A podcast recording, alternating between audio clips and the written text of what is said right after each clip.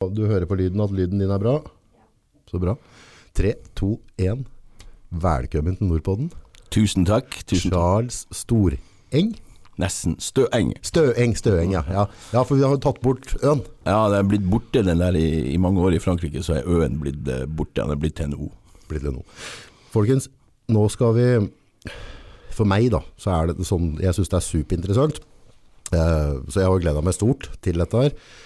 Du, du starta som, eh, som menig, i, eh, altså hvis vi skal gå litt på den militære karrieren, eh, i den franske legion. I boka mi så er det den det er den toppen av toppen av, av eh, stridende styrker i verden. Avslutta som sersjantmajor i sikkerhetstjenesten. Eh, og i hele tatt for å jobbe i sikkerhetstjenesten så skal du ikke være noe dumskolt. Og det er ikke noe stilling du jobber deg til, det er noe du blir ut Altså det er veldig, veldig få mennesker som, eh, som kan Og du var da nestkommanderende Mhm, Det i den stillinga der. Eh, og derav så gikk du videre kall, Jeg vet ikke hva du skal kalle det, men altså ut på det private marked. Eh, altså Om det er regjering eller ikke, men du var med å starte et selskap som i utgangspunktet bare var tre mennesker.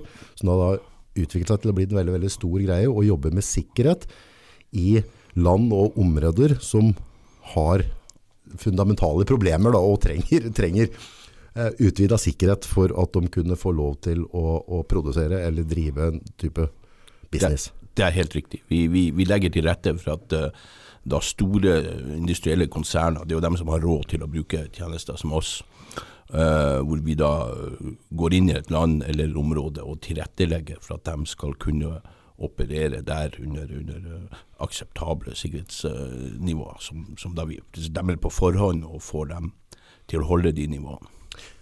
15 år, franske legion, 21 år Mhm. ute i markedet, Helt riktig. eh, og jobber fortsatt en dag i dag.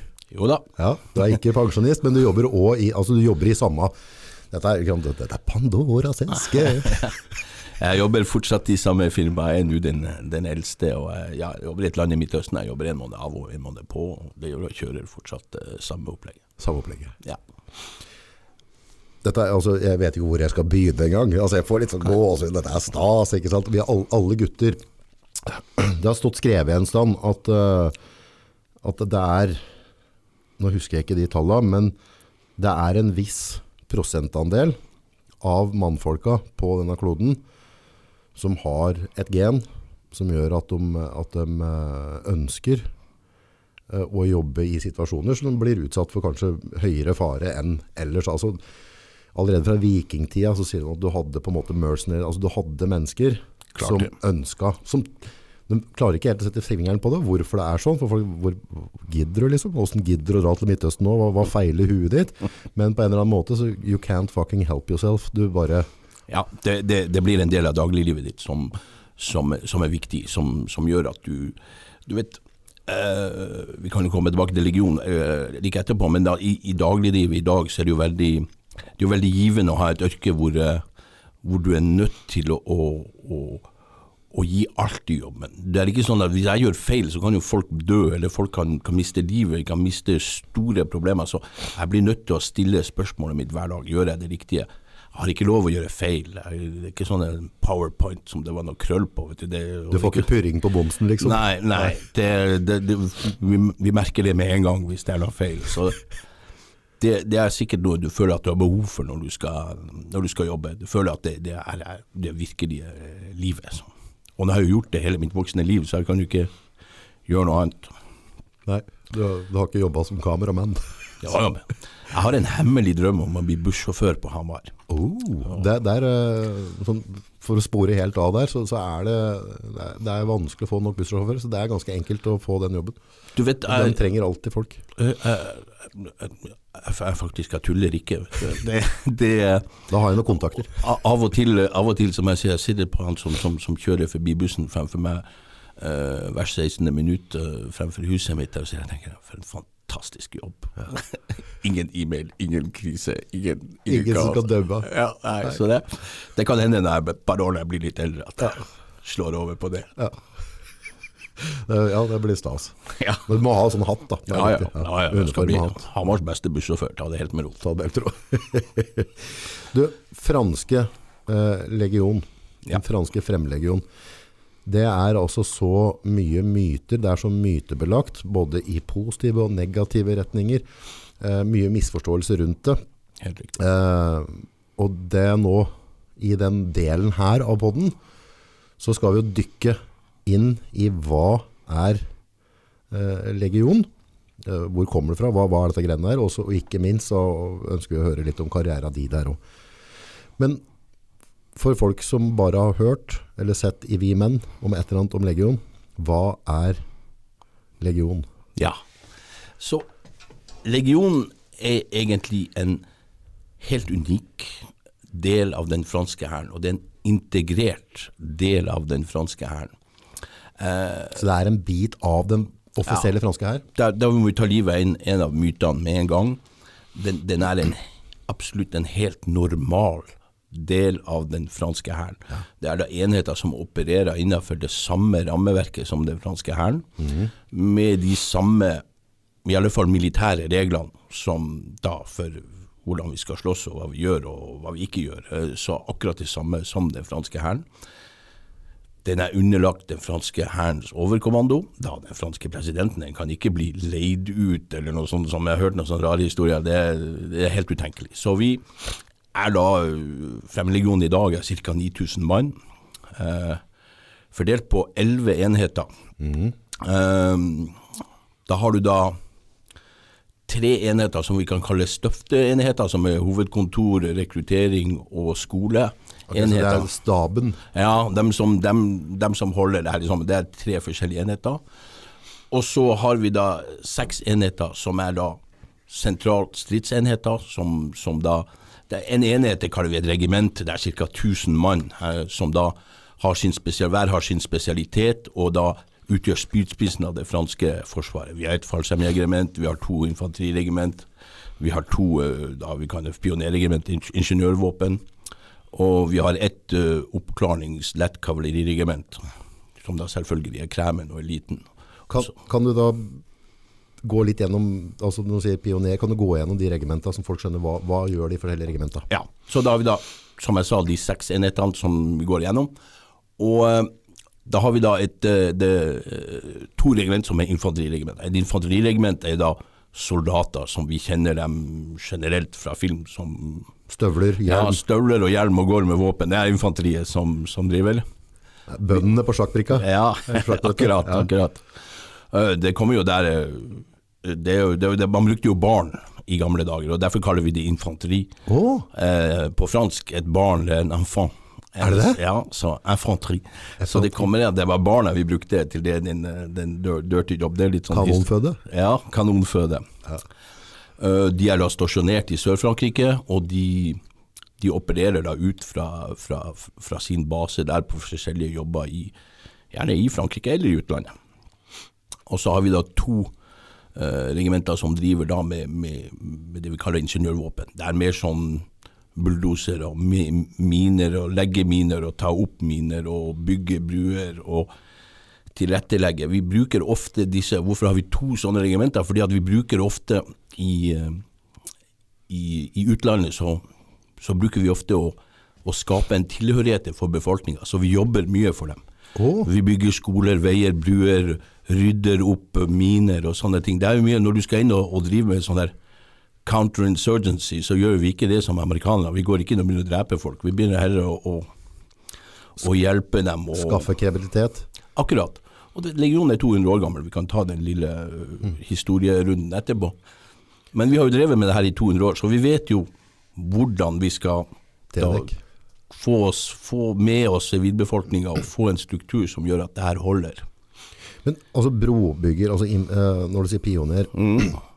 for noen har jo på en måte syntes det er litt interessant å følge med, Mm. men brobygging, det, det er jo noe som er vanvittig bygg, viktig. Mm. For, altså, det er bare å gå tilbake og se en annen verdenskrig, altså hvilke, hvilken framrykning var det som ikke stoppet hvis ikke du hadde gode ingeniører. Ja. Altså veibygging, få massene, troppene fram. Så det vi sier i legionen, vi, vi snakker om det, det sveitsiske urverket. Aha. Så et sveitsisk urverk, et automaturverk, det har jo masse tannhjul, og så er det ei lita klokke. Og så er det intikrate masse tannhjul bakom som fungerer, og så har du egentlig bare to visere fremfor som viser tida. Aha. Så hvis ikke den klokka er satt i sammen, og alle de tannhjulene fungerer, så de viserne viser feil Og det er jo de viserne, det er jo de som går med våpen og, og liksom gjøre den militære delen. Men hvis de ikke har tannhjulene bak, så er det helt uinteressant. Da er du dødfødt. Da er det dødfødt. Og derfor legionen er bygd opp sånn. Det er jo en darwinistisk utvikling over 200 år. Eh, Jeg vet ikke om vi kan bruke det på norsk, sier vi darwinistisk? Ja, det er noe- Darwin, altså Ja, ja. survival noe fittest. holdt jeg på Ja, å si. ja. ja. Så vi har jo prøvd en masse ting opp gjennom 200 år, og vi har funnet ut at vi, vi er nødt til å gjøre alt sjøl for å få den tilhørigheten. Og, den, og derfor vil du finne at mange legionærer ofte har da oppgaver som ikke er ikke nødvendigvis er da å, å, å være den, den, den, den Den viseren. ja, den viseren som skal da være bære våpen, det er helt, et helt system som kommer inn, og som, som da skal utføre et oppdrag. Så det å utføre det her oppdraget, det er målet. Hva, hva er målet med det vi skal gjøre? Ja, vi skal, gjøre, vi skal holde det her området. Og da kommer det en hel rekke yrker. Det er akkurat som i resten av samfunnet. Her er det bare skjøvet mer til en mer ekstrem, hvor alt er kontrollert og gjort og, liksom, for å få det her sveitsiske urverket. For hvis veibyggeren ikke gjør jobben sin skikkelig, så får ikke du fram inf Akkurat. infra, altså Akkurat. mat, ammunisjon. Akkurat. Alt det der. Så alt det der er gjort. Derfor, derfor har vi da to sånne eh, regimenter. Og dem er viktige. Ja, de er, alle like viktige. Ja. Så jeg mener at jeg har hørt et eller annet på men amerikan, altså hvor, hvor mange som jobba bak en frontsoldat, altså er det seks mann per stridende mann? Minst, Ja, minst. det var noe tullete, Ja, mye energi som gikk etter der. minst. Og det, det er jo klart, og, det gjør jo også, også som ofte, vet du, folk har jo ofte en, en idé av, av krig og, og fred og sånt, at det er sånn at man løper rundt med, med våpen. Men realiteten er at 95% av elitesoldatens liv er organisering. Ja. Planlegging, organisering, trening, sette på plass. Det å bruke våpnene er bare den siste klikken Ja. som gjør at planen faller inn til plass. Så eh, det er jo derfor vi ofte har eh, mange som har vanskelig for å følge med i legionen. For det, er det er mest organisasjon, hardt arbeid, krever mye. Det er tungt. Det er tungt slit. Ja. Og det gjør at legionen blir et veldig spesielt sted. For vi er et av de få som kan tillate oss å kreve det her av våre soldater.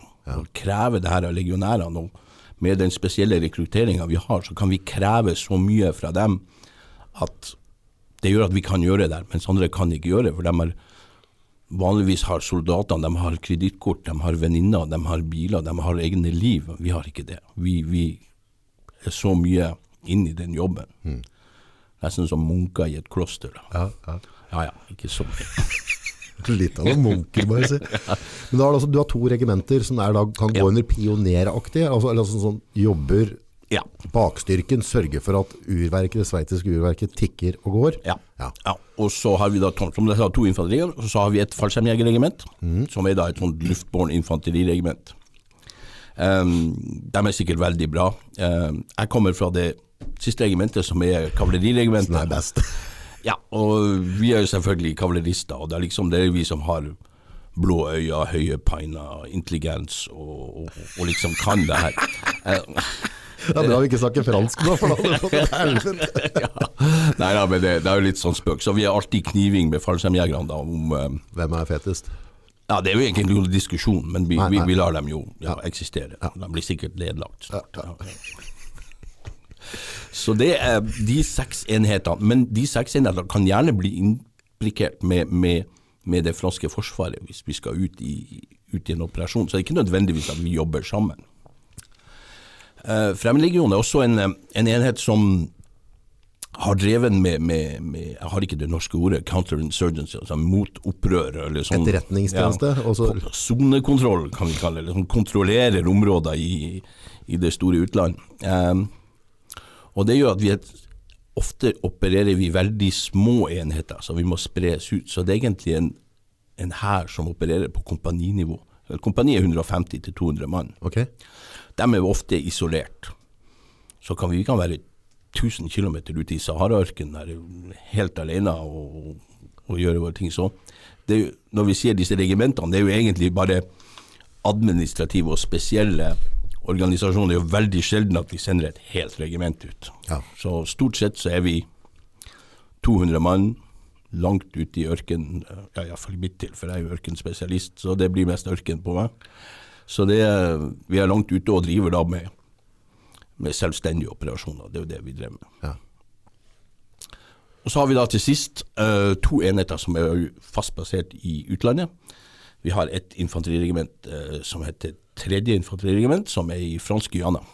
Som da beskytter eh, Som driver med jungelkrigføring i Sør-Amerika, i et land i Sør-Amerika som heter fransk Guyana, som er et fransk territorium. Er det der dere har den berykta jungelløypa deres? Ja, ja, der har vi den der, Den får du på YouTube hele tida. Det er litt sånn reklame.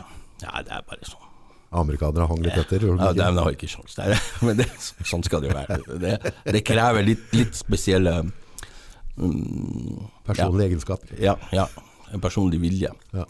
Så de driver mye med det, og så driver de også og beskytter da det mm, europeiske øh, romfartssenteret som er. De beskytter jo raketter opp i, for å sette satellitter i bane hele tida. Ja. Ja. Så det er et europeisk der. Og så har vi en annen liten enhet som er på en liten øy som heter Mayotte i Mosambikkanalen, mellom Mosambik og Madagaskar. Der er det også en del franske territorier i hele Indiske hav. Og deres oppgave da, det er veldig lita enhet, som egentlig er bare støtteenhet, og så får de forsterkninger. Så vi, vi vil sende et kompani der. Hver fjerde måned sender vi et nytt kompani. Og de driver da med, rett og slett med vakthold på sånn sydhavsatoller sånn rundt omkring. Så i mine yngre dager har jeg også vært en måned på en sånn der liten atoll som heter Le Glorieuse. Hvis det er noen som vil se på, på Google Maps, så finner de den. Så det er en sånn liten atoll på to kilometer med en flystripe og to, to palmer. Og, That's it. That's it. så vi må drive Får det godt med brennevin utpå der, da? Ja, vi, vi ordner det. Ja. Ja, Vi har litt, litt kompetanse. Litt kompetanse. Det er hjelp å komme, komme fra Norge. Da. så Ja, ja. Du Ja, ja. vet åssen laga brennevin. Jo, jo. Og um, ja um, Jeg tror også at ehm, Hvis vi skal snakke om legionen, så er det jo du, Vi må nesten ha litt, litt, litt historie. Ja takk. Og vi må jo gå inn og se at eh, for Legionen ble ble jo skapt etter, etter, eh, etter napoleonskrigene, 1830-årene.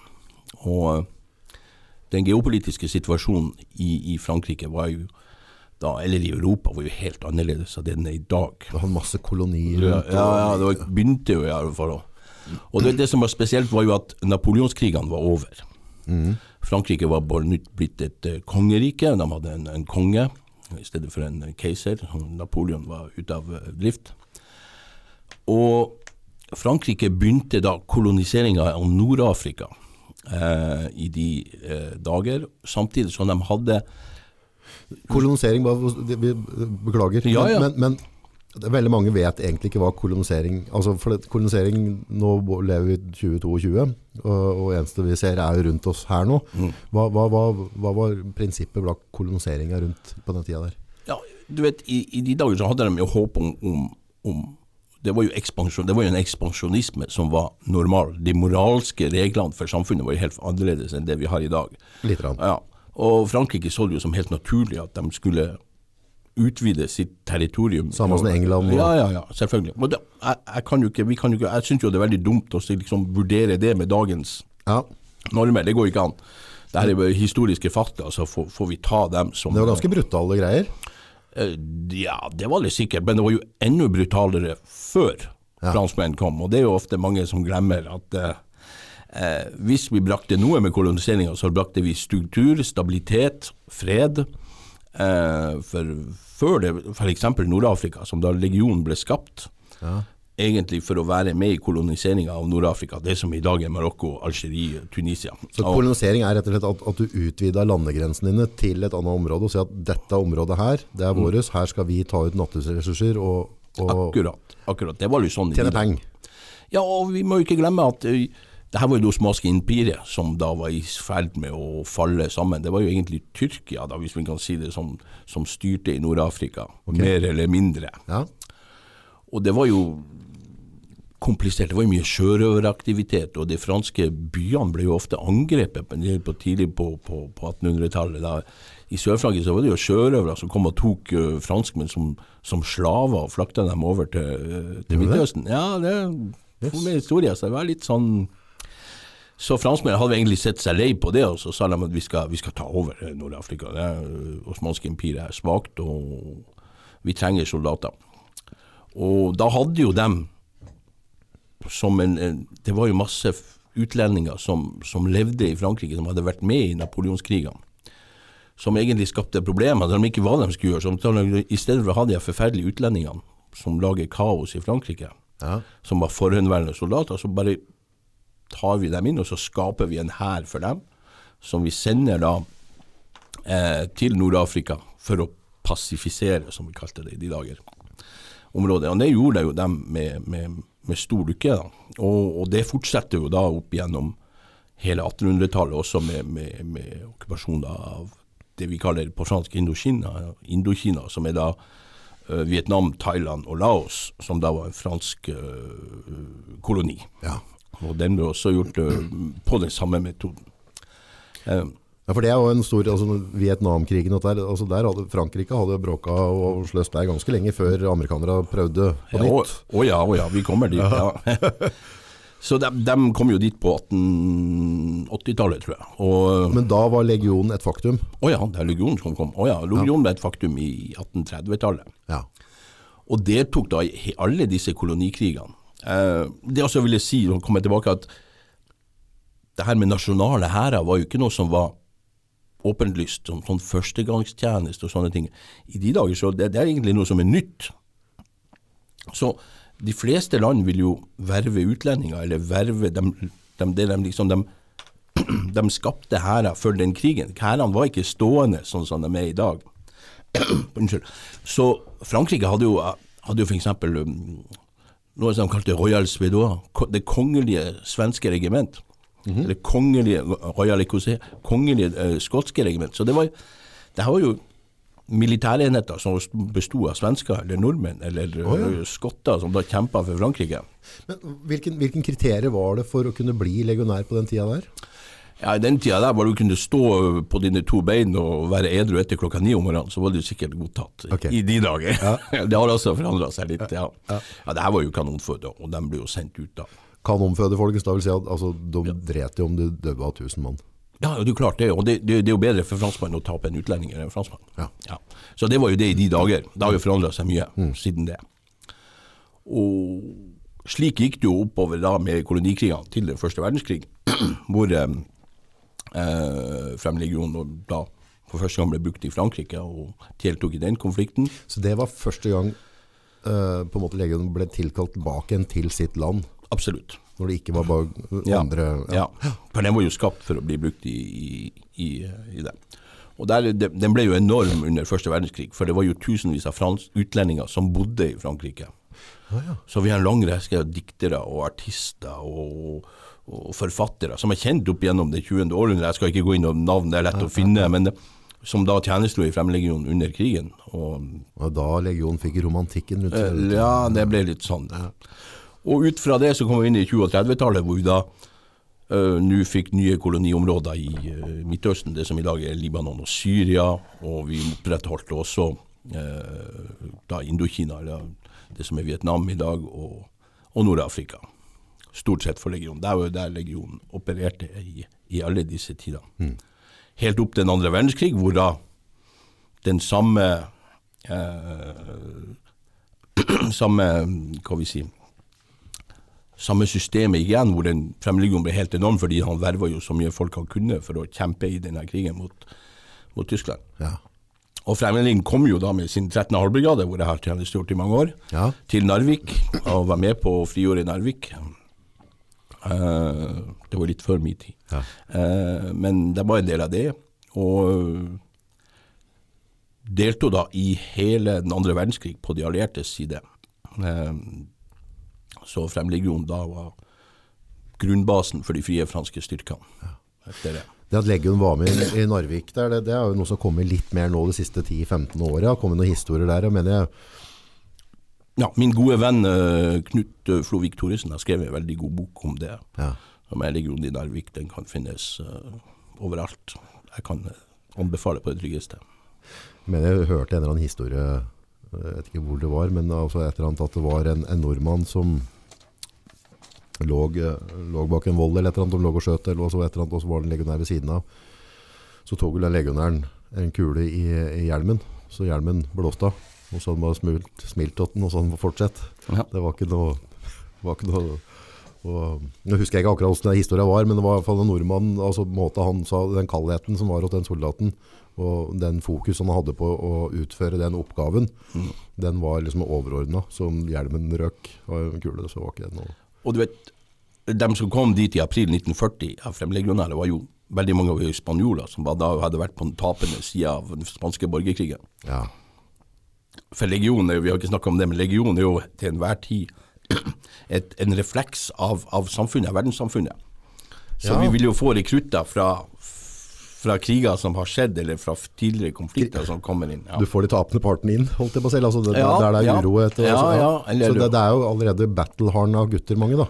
Ja, ofte er det jo det. Ofte er det jo det. Og det, det, det, det er jo klart at uh, alle kan jo prøve seg, men det blir jo utfiltrert uh, ganske raskt. Så uh, ja. Ehm, han som var leder for Fremmedlegionen i, i, i, um, i Narvik i 1940, han heter uh, oberst Monclair. Han var en, uh, en ganske spesiell type. En, uh, en notorisk homse. Åh, Så det at homser ikke kan sløs, det, det er myte. Han var blitt såra jeg tror 20 ganger i første verdenskrig. Han var øh, 50 år i 1940, og han raste inn og, og, og kjørte frem legionen inn, helt inn i byen i Narvik, og, og, da tok tilbake. Og eh, han deltok jo i hele, hele den andre verdenskrig. Og i 1950 så var han da firestjerners general. Da skapte franskmenn en bataljon som skulle reise til Korea. Så da degraderte han seg sjøl i en alder av 60 til major, og reiste til Korea for å krige med en bataljon. Han ville ut. Han ville ut. Spesiell kar. Så det, det er til tross for sine legninger. Ja, det har ingenting med saken å gjøre. Det. Nei, overhodet ikke. det var bare før det var så viktig. Ja. For folk, da. ja, ja, selvfølgelig. Nå, nå sporer jeg jo av, så klart. Ja. Men vi, Du får spore på. Ja, vi- hvor, hvor, hvor tar vi den opp igjen? Altså, vi er jo i, i oppbyggingsfasen her. Og Ja. Etter Ja. første verdenskrig, altså dere hadde, hadde et, eh, et vanvittig rekrutteringssystem. Da, mye folk inne. Mm. Ja, du vet, Legionen var, kom jo ut av andre verdenskrig, det var ta det enkleste, kom jo ut av andre verdenskrig ganske stor. Ja, så, Og for da var jo i andre verdenskrig så Ja. var den stor pga. første. Ja, ja. ja. Det, det hadde jo bygd seg opp, altså Hele andre verdenskrig hadde jo brakt inn tusenvis av mennesker. Ja. Og etter hvert som den gikk fremover, så, så, så ble det jo mer og mer av det. Men uh, Frankrike stoppa jo med det. vet du. Den andre verdenskrig stopper da i, i, i 1945. ja. Og legionen får med, eller Frankrike får med en gang problemer uh, i det vi kaller Indokina. da, i, i Vietnam, Kambodsja og Laos, som var eh, koloni. Og blir nødt til å gå inn i en krig der med en gang. Hvor da eh, Sovjetunionen og Kina da senere eh, prøver det da en kommunistisk løsning. Jeg skal ikke gi noe sånn historisk eh, mening om det, men det skjer at det blir en konflikt, og, og Frankrike slåss da, Fremlegionen slåss i ni år, fra Ni år. 1945 til 1954. Eh, I den perioden så sendte vi 30 000 mann til eh, Indokina. 10 000 av dem døde. Det er enormt. En tredjedel. Ja, kom ikke tilbake. Og det var nok det første Den første krigen hvor, hvor vi oppdaga at vi står overfor en motstander som ikke bryr seg om tap. Det hadde ikke noe å si for dem. Du vet, Det hadde ikke noe å si. Og da, da, da blir det fort begrensa hva du kan gjøre. Hvis, hvis du har en fiende som kan sende på tusenvis av tusenvis av tusenvis og ikke bryr seg, hvor menneskelig blir han da? Og Det var første gang, at, og det er noe amerikanerne erfarte senere, at det, det, det er veldig vanskelig. Og Skyter en, så kommer det tre tilbake igjen, liksom. ja, tyskerne erfarte jo det i 45. Unnskyld. Um, jeg er ikke helt sikker på mm, tallene, men hvis jeg husker riktig, så i den siste måneden for å ta Berlin, så tapte russerne mer folk enn amerikanerne tapte i hele verdenskrigen. Tenk på det. De bare mata på. Ja.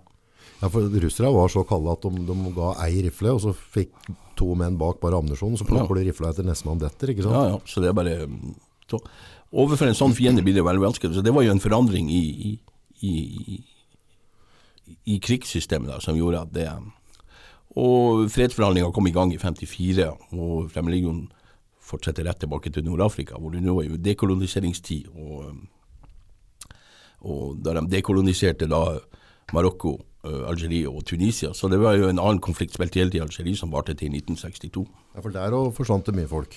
Ja, en del, ikke så mye. Det var vel en krig vi egentlig, uh, egentlig vant, men politisk sett var den Ja. Det var tapt. Det, var- det var jo derfor at uh, Var det ikke der mye av de mytene ble starta i forhold til at, at, at legion eh, på en måte ikke hadde noe med den franske hær å gjøre? For at det ble litt diskusjoner altså, altså At det var noen av dem i legion som følte seg forbigått av politikere? Ja, det, det, det kan vi ta en liten, liten prat. Det som skjedde, var jo at legionen opplevde først eh, krigen i Vietnam, Ja. som, hvor de ofte vant, og vant tilhørigheten til folket. Ja. Og så ble de nødt til å, nødt til å forlate dem. ja. Og eh, da de måtte forlate sine venner i Indokina, som de hadde jobba med i, i flere tiår, så, så var det veldig vanskelig for dem å akseptere at de politisk hadde tapt, og at nå måtte de her uh, tidligere koloniene bli da selvstendig, noe som er logisk. Men det var jo masse mennesker som helst ville vært med, og vi fikk jo masse flyktninger til Frankrike øh, i de dager. ja, for det var jo ikke bare det at hvis du har spilt med franskmennene da, og franskmenn trekker seg ut, så ble du hengt ut. Ja, det, altså så det, det var jo det var jo Brutal kost på Ja, dem. forferdelig brutal kost. Og så får vi krigen i Algerie fra 1956 til 62. Og vi da opplever det samme, at nå skal vi flytte ut. Eh, men halve Algerie var jo fransk, så det, det ville jo bli et folkemord, noe som det ble. Og da var det vel en del offiserer som da gikk et militærkupp, Ja. som sier da at og Det var jo sikkert veldig korttenkt, og veldig, men det var en reaksjon. Handla for hjertet. Ja, handla for hjertet, og det, det fungerte jo ikke. Så det. Men uh, Hedi de Samer er navnet på han Obersten, som uh, da var legionsleder for, uh, for uh, militærkuppet. Han forklarer veldig bra i rettssaken hvorfor han gjorde det. og Han tar tilbake alle de her eh, Vi er lei av å vinne kriger, og vi er lei av å vinne slag, men å tape politisk. Ja. og må gi våre venner eh, som blir da Henretta i etterkant. Det ble folkemord i Indokina, og det ble folkemord i, i, i Algerie. Folkemord på tusentalls. Ja, ja. Ja. Ja. Jeg skal ikke legge ut et tall, men nei, nei, nei, tusentall. Ja. ja, mye folk som ble bare etter at henretta av fienden. ja. Og da ø, kommer vi opp til tiden i dag. Etterpiden har jo Fremlegionen hele tida operert siden 62. Da vært basert i Frankrike, men operert i forskjellige uh, konflikter rundt omkring i verden hvor vi tjenestegjør for, for Frankrikes interesser. Med den styrka som jeg forklarte tidligere. Ja. Mm. Og der står vi i dag. Uh, og i dag består legionen av stor del av utlendinger, svært få franskmenn. Det har vært veldig mye pågang. Jeg tror nok at den, den nye mm, Internett, ny kommunikasjon har gjort at folk uh, lenger unna har fått bedre kunnskaper, og de kommer til legionen. ja, for det er ganske mange som ønsker å, å komme dit, men ikke kommer inn. Ja, det er det. Det er veldig få som kommer inn. Ja, det er, det er klart Uh, vi, vi kjører jo en rekruttering 365 dager i året. Eh, du kan komme når du vil. Eh, du vil bli tatt inn og, og kjørt gjennom utvelgingsprosess. Men, men det kommer jo folk fra hele verden, så det er jo en, en prosess som tar litt tid. Og, og etter sikkert et par uker så, så kanskje sitter 10 igjen. Ja. 10 reiser da på, på en rekruttskole, og gjennomgår da en nummer to utvelgingsprosess. Lang, lang pros hvor lang er den første prosessen? Og andre, altså sånn, før du blir valgt ut da, til å bli blant de 10 prosenta? Ja, det som skjer er at du, du, du presenterer deg på et rekrutteringskontor. og eh, hvis du blir ansett som, eh, som akseptabel, så kommer du inn i den utvelgingsprosessen. Den utvelgingsprosessen varer ca. to uker. Da, da blir du testa fysisk, psykisk, medisinsk. eh, du går gjennom en hel liste av ja, I mine dager så hadde vi en kapasitet på ca. 250 mann i uka. Ja. og så tar vi ut av de 250 mann, så er det vel kanskje 60 som klarer testen. Som blir ansett for å være Skikka for å gå ja. videre. Og da etter behovet vi har. Ja, så etter behov òg. Ja, Så hvis vi trenger 37 denne uka, så tar vi 37. Trenger vi 42, så tar vi 42. Trenger vi 17, så tar vi 17. That's it. Og det er egentlig det eneste svake punktet, som egentlig er litt sånn urettferdig. For du kan være veldig flink denne uka, men de andre var flinkere, og vi hadde behov for mindre menn, så taper du. Eller du kan komme neste uke, og så var nivået mindre, eller behovet var større, og så kommer du inn. Så det gjør at det, det av og til kan bli litt eh, litt urettferdig. Du kan være flink, like flink ei uke og komme inn, og veldig mye flink en annen uke og ikke komme inn. Ja, ja. Og kommer du ikke inn, så er det forever. Så det, it. ja, du kan ikke komme tilbake. Nei. Så da, da skaper vi da hver andre uke en ny klasse som da blir sendt på, på, på et eh, fire og en halv måneders eh, rekruttskole. Ja. Og det er jo klart eh, Her kommer jo folk fra hele verden. Det er 145 nasjonaliteter i legionen i dag. Det kommer jo folk fra alle kulturer, alle religioner, alle hudfarger. Det er en uhyre interessant eh, melting pot. Og dem tar vi da inn, og skal i løpet av fire måneder, eller fire og en halv måned, skape en, en, en standard, helt enkel legionær som kan fungere som veldig basic menig. Ja. Så den prosessen er veldig interessant. Vi går ikke, du, du, du, du tar jo ikke inn folk fra hele verden og begynner å lage elitesoldater av dem. Det, det, så, det vi gjør, vi lager en gruppe som vi bryter ned. Vi bryter aldri folk ned individuelt. Det er sjelden kontraproduktivt. Så vi tar dem som denne gruppa og kjører dem da ganske hardt. Ikke spesielt fysisk. Fysisk så Ja, du skal være i god form, men det er ikke noe sånn Supermann-prosjekt. Men vi legger et press til de alle har forstått at de er som individer helt udugelige. Ja. Om man er fra Nepal eller Kasakhstan eller Brasil. Eller. Og siden de er i gruppe, så kan de egentlig bare klynge seg til hverandre. Ja. Så du bryter dem ned til de er helt knust. Så de, har, de blir kvitt alle de her ideene om hvor flinke de er individuelt, hvor god kar de er, eller hvor, hvor høye ideer de kunne ha om seg sjøl. Når de er helt brutt ned og klynger seg til hverandre, da har vi bare det, det igjen i livet.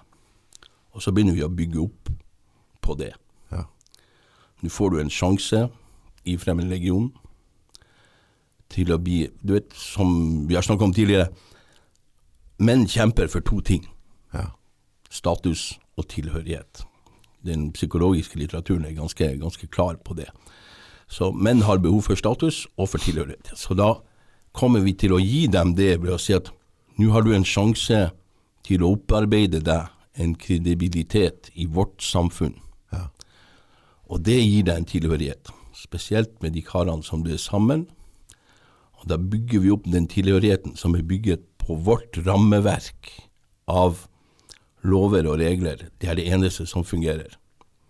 Og våre mål i livet og våre, våre hva, hva gir deg kredibilitet? Hva må du gjøre for å få kredibilitet, for å få status, for å bli en god legionær? Da har du en sjanse. Ikke alle tar den. Det er mange som faller av lasset. For da, etter fire måneder, å kunne produsere en kar som, er, som har forstått evangeliet, som vil være med. Han vil ha et enkelt liv. Han har skjønt verdien i å ha et enkelt liv som legionær i en enhet, uten de her materielle behovene som alle andre har. Og han får da sin tilhørighet fra å være med i det her systemet, denne gruppa. Og så vil han få status og kredibilitet ved å være god, ved å være flink, ved å gjøre sånn som det forventes. Og fra et militært perspektiv så er det helt enkelt. Jeg husker fire måneder skal jeg ha tjammekjørt han gutten fra en slum i Brasil eh, med en kar fra Nepal, eller uh, en dum nordlending, vi har dem også, vet du. Så kjører de sammen så de tenker på den samme måten, og at de kommer ut med da 400 ord på fransk, kan ja, har lært hvilken uniform det brukes til hva, har lært hvordan en tropp fungerer daglig, hvordan lese de enkle ordrene, hvordan fungerer han skal våkne, han skal vaske, han skal gjøre det og det. Sånn helt enkle ting. Og militært sett sånn helt enkle grunnprinsipper. Ja. Og da får vi dem ut. Etter fire måneder så har vi det liksom Hjørnesteinene er satt på plass. Og da får legionæren et, et velg etter fire måneder eller fem måneder. Vil de fortsatt være med? Og da etter eh, På slutten så har vi da Hvis de er gode nok. ja, ja. De, du går gjennom en eksamen. Du har en eksamen på slutten, og vi kommer ut da, og liksom Så er det plasser tilgjengelig da i forskjellige regimenter. og Da går jo de flinke og intelligente går da til kavaleriet, og så de andre går da hvor de, hvor de ender opp. og, øh, men da får de da beskjed. Og da kommer jo legionæren da til regimentet som har hver sin spesialitet, og der skal vi da bygge opp spesialisten, som da skal gjøre sitt, sitt, sin oppgave. Og det, det foregår, så det, det er egentlig første valget er å bli mottatt da på opptak, kan vi si. Og så er det å gjennomføre rekruttskolen, så har du et nytt mål. Og så har vi ofte det vi kaller eh, Jeg skal ikke bruke så mange franske ord. Vi, har, vi gir oss ett år for at de ikke datter av lasset. Da, da tar slår de rot. Ja. For det er ikke bare bare å komme til regimentet og bli integrert inn i ei tropp. eh, Alle disse her uh, alfamail-typene som kjører. Så du, du må være litt så det, det, det, det går eller det ikke går. Det er mange som vil ha status i den gruppa, i den tilhørigheten. ikke sant? Så du må komme inn og få staten, og du må lære. Det det er en prosess du lærer, hvor du da er liten i begynnelsen og bygger deg opp og, og blir da den du blir. Og det er mange som detter av lasset. Så egentlig så må vi bruke ett år på å finne ut om det fungerte. Og det er derfor så veldig mange kommer og sier jeg har vært i legion. Ja, de har vært der i seks måneder. Ja, Ja, ja. Ja, det fungerte ikke. Nei, Sånn, ja.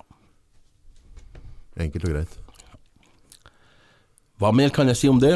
Videreutdannelsen videre da, hvordan, hvordan vil den fungere da, altså etter et år? Altså da, for da, da, hvor lang tid går det før en legionær blir stridende, eller at den Ja, havner er stort sett et år. stort sett et år? Ja, vi unngår det første året liksom, og sender dem da ut i For det som skjer at, som i andre her, det, det, det går i, i cycles, det, det går i, i, i sirkel av opptrening. Så vi, vi trener, vi, vi har et program hvor vi trener opp folk individuelt og gjør jobben, og så trener vi laget, og så trener vi troppen, og så trener vi kompaniet, og så trener så, så vi går i sånne sirkler, i sånne treningssirkler hele tida, Ja. som gjelder for alle som er da de generelle oppgavene. Og så har vi da selvfølgelig individuelle kurs hvor folk går og blir spesialist på det og det og det. Så generelt sett så trener vi opp et kompani eller en skvadron da til han kommer opp på det nivået vi kaller han stridsdyktig. Og da har han yngste gått gjennom hele prosessen, så han har ikke vært der, han har vært der et års tid. Da kan han ryke ut. Og da blir det den, den skvadronen sendt på et oppdrag i Mali, eller ja, hvor som helst. Ja.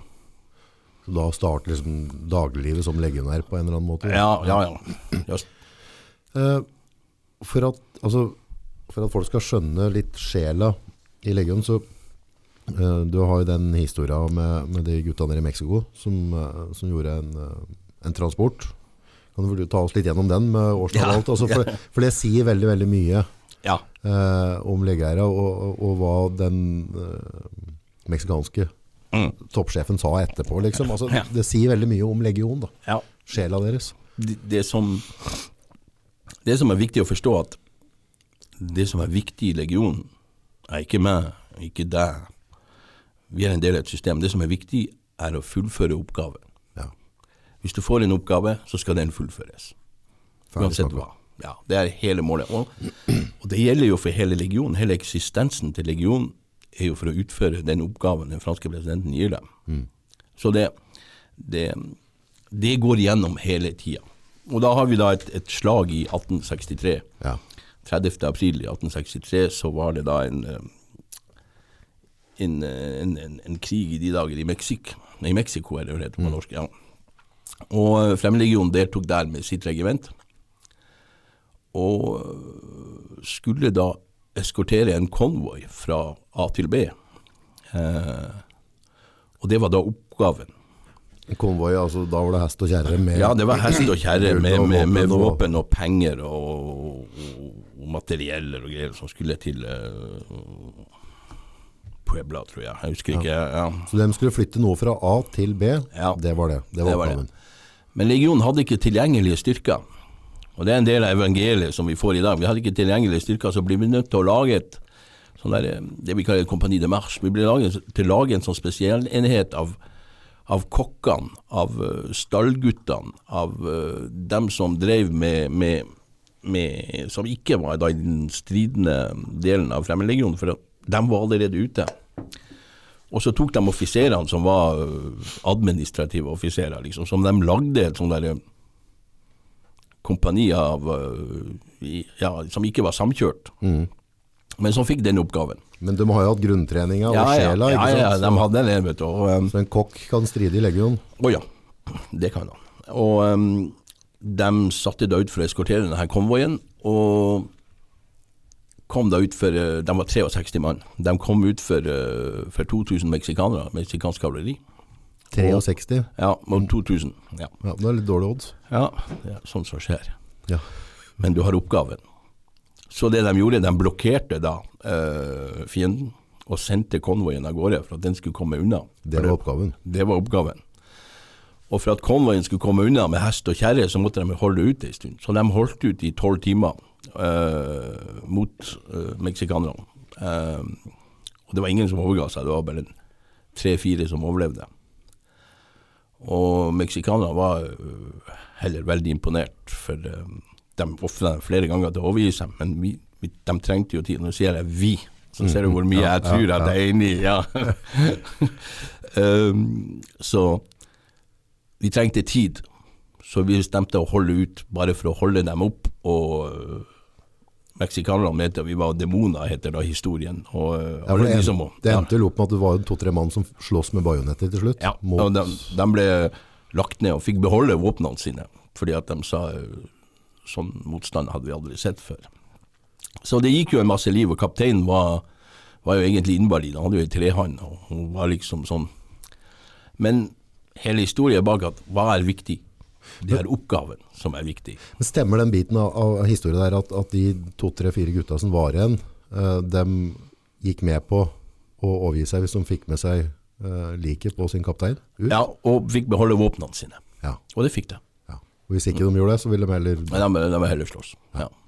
Og det er klart, når du er i en sånn situasjon, så blir du litt sånn galgenhumorisk, vet du, og du forventer egentlig ikke å overleve. Så den var sikkert eh, Kjekkesen. Ja. Du kommer til et stadium hvor andre ting er viktig. Ja. Så det um, Og det er jo veldig viktig. Det er jo vår nasjonaldag den 30. april. Ja, for, for den der eh, amputerte hånda til den kapteinen der, den har jo ligget på et museum i Mexico, har den ikke det? Ja, men vi har, vi har fått den tilbake, Ja. så den er i, i tre lab, trelab, var det? Ja, ja, ja, Ja. trelab. Vi tar den ut hver 30. april og, og, og lager en stor parade. Så Det er dere 17. mai. ja, det er vår 17. mai. Ja. Hvis du vil være med, så skal du få komme ned, da skal vi ta en tur. Ja, det er jeg med på. Jeg kan love det blir eh, vanskelig. det går ganske friskt for seg. Ja, det er bra. Det er bra. Så um, det er egentlig våre, en del av våre tradisjoner. Og det, det er jo faktisk en del av den tilhørigheten som, som blir skapt, som gjør at vi er, er en nasjon i nasjonen. Hvor vi har våre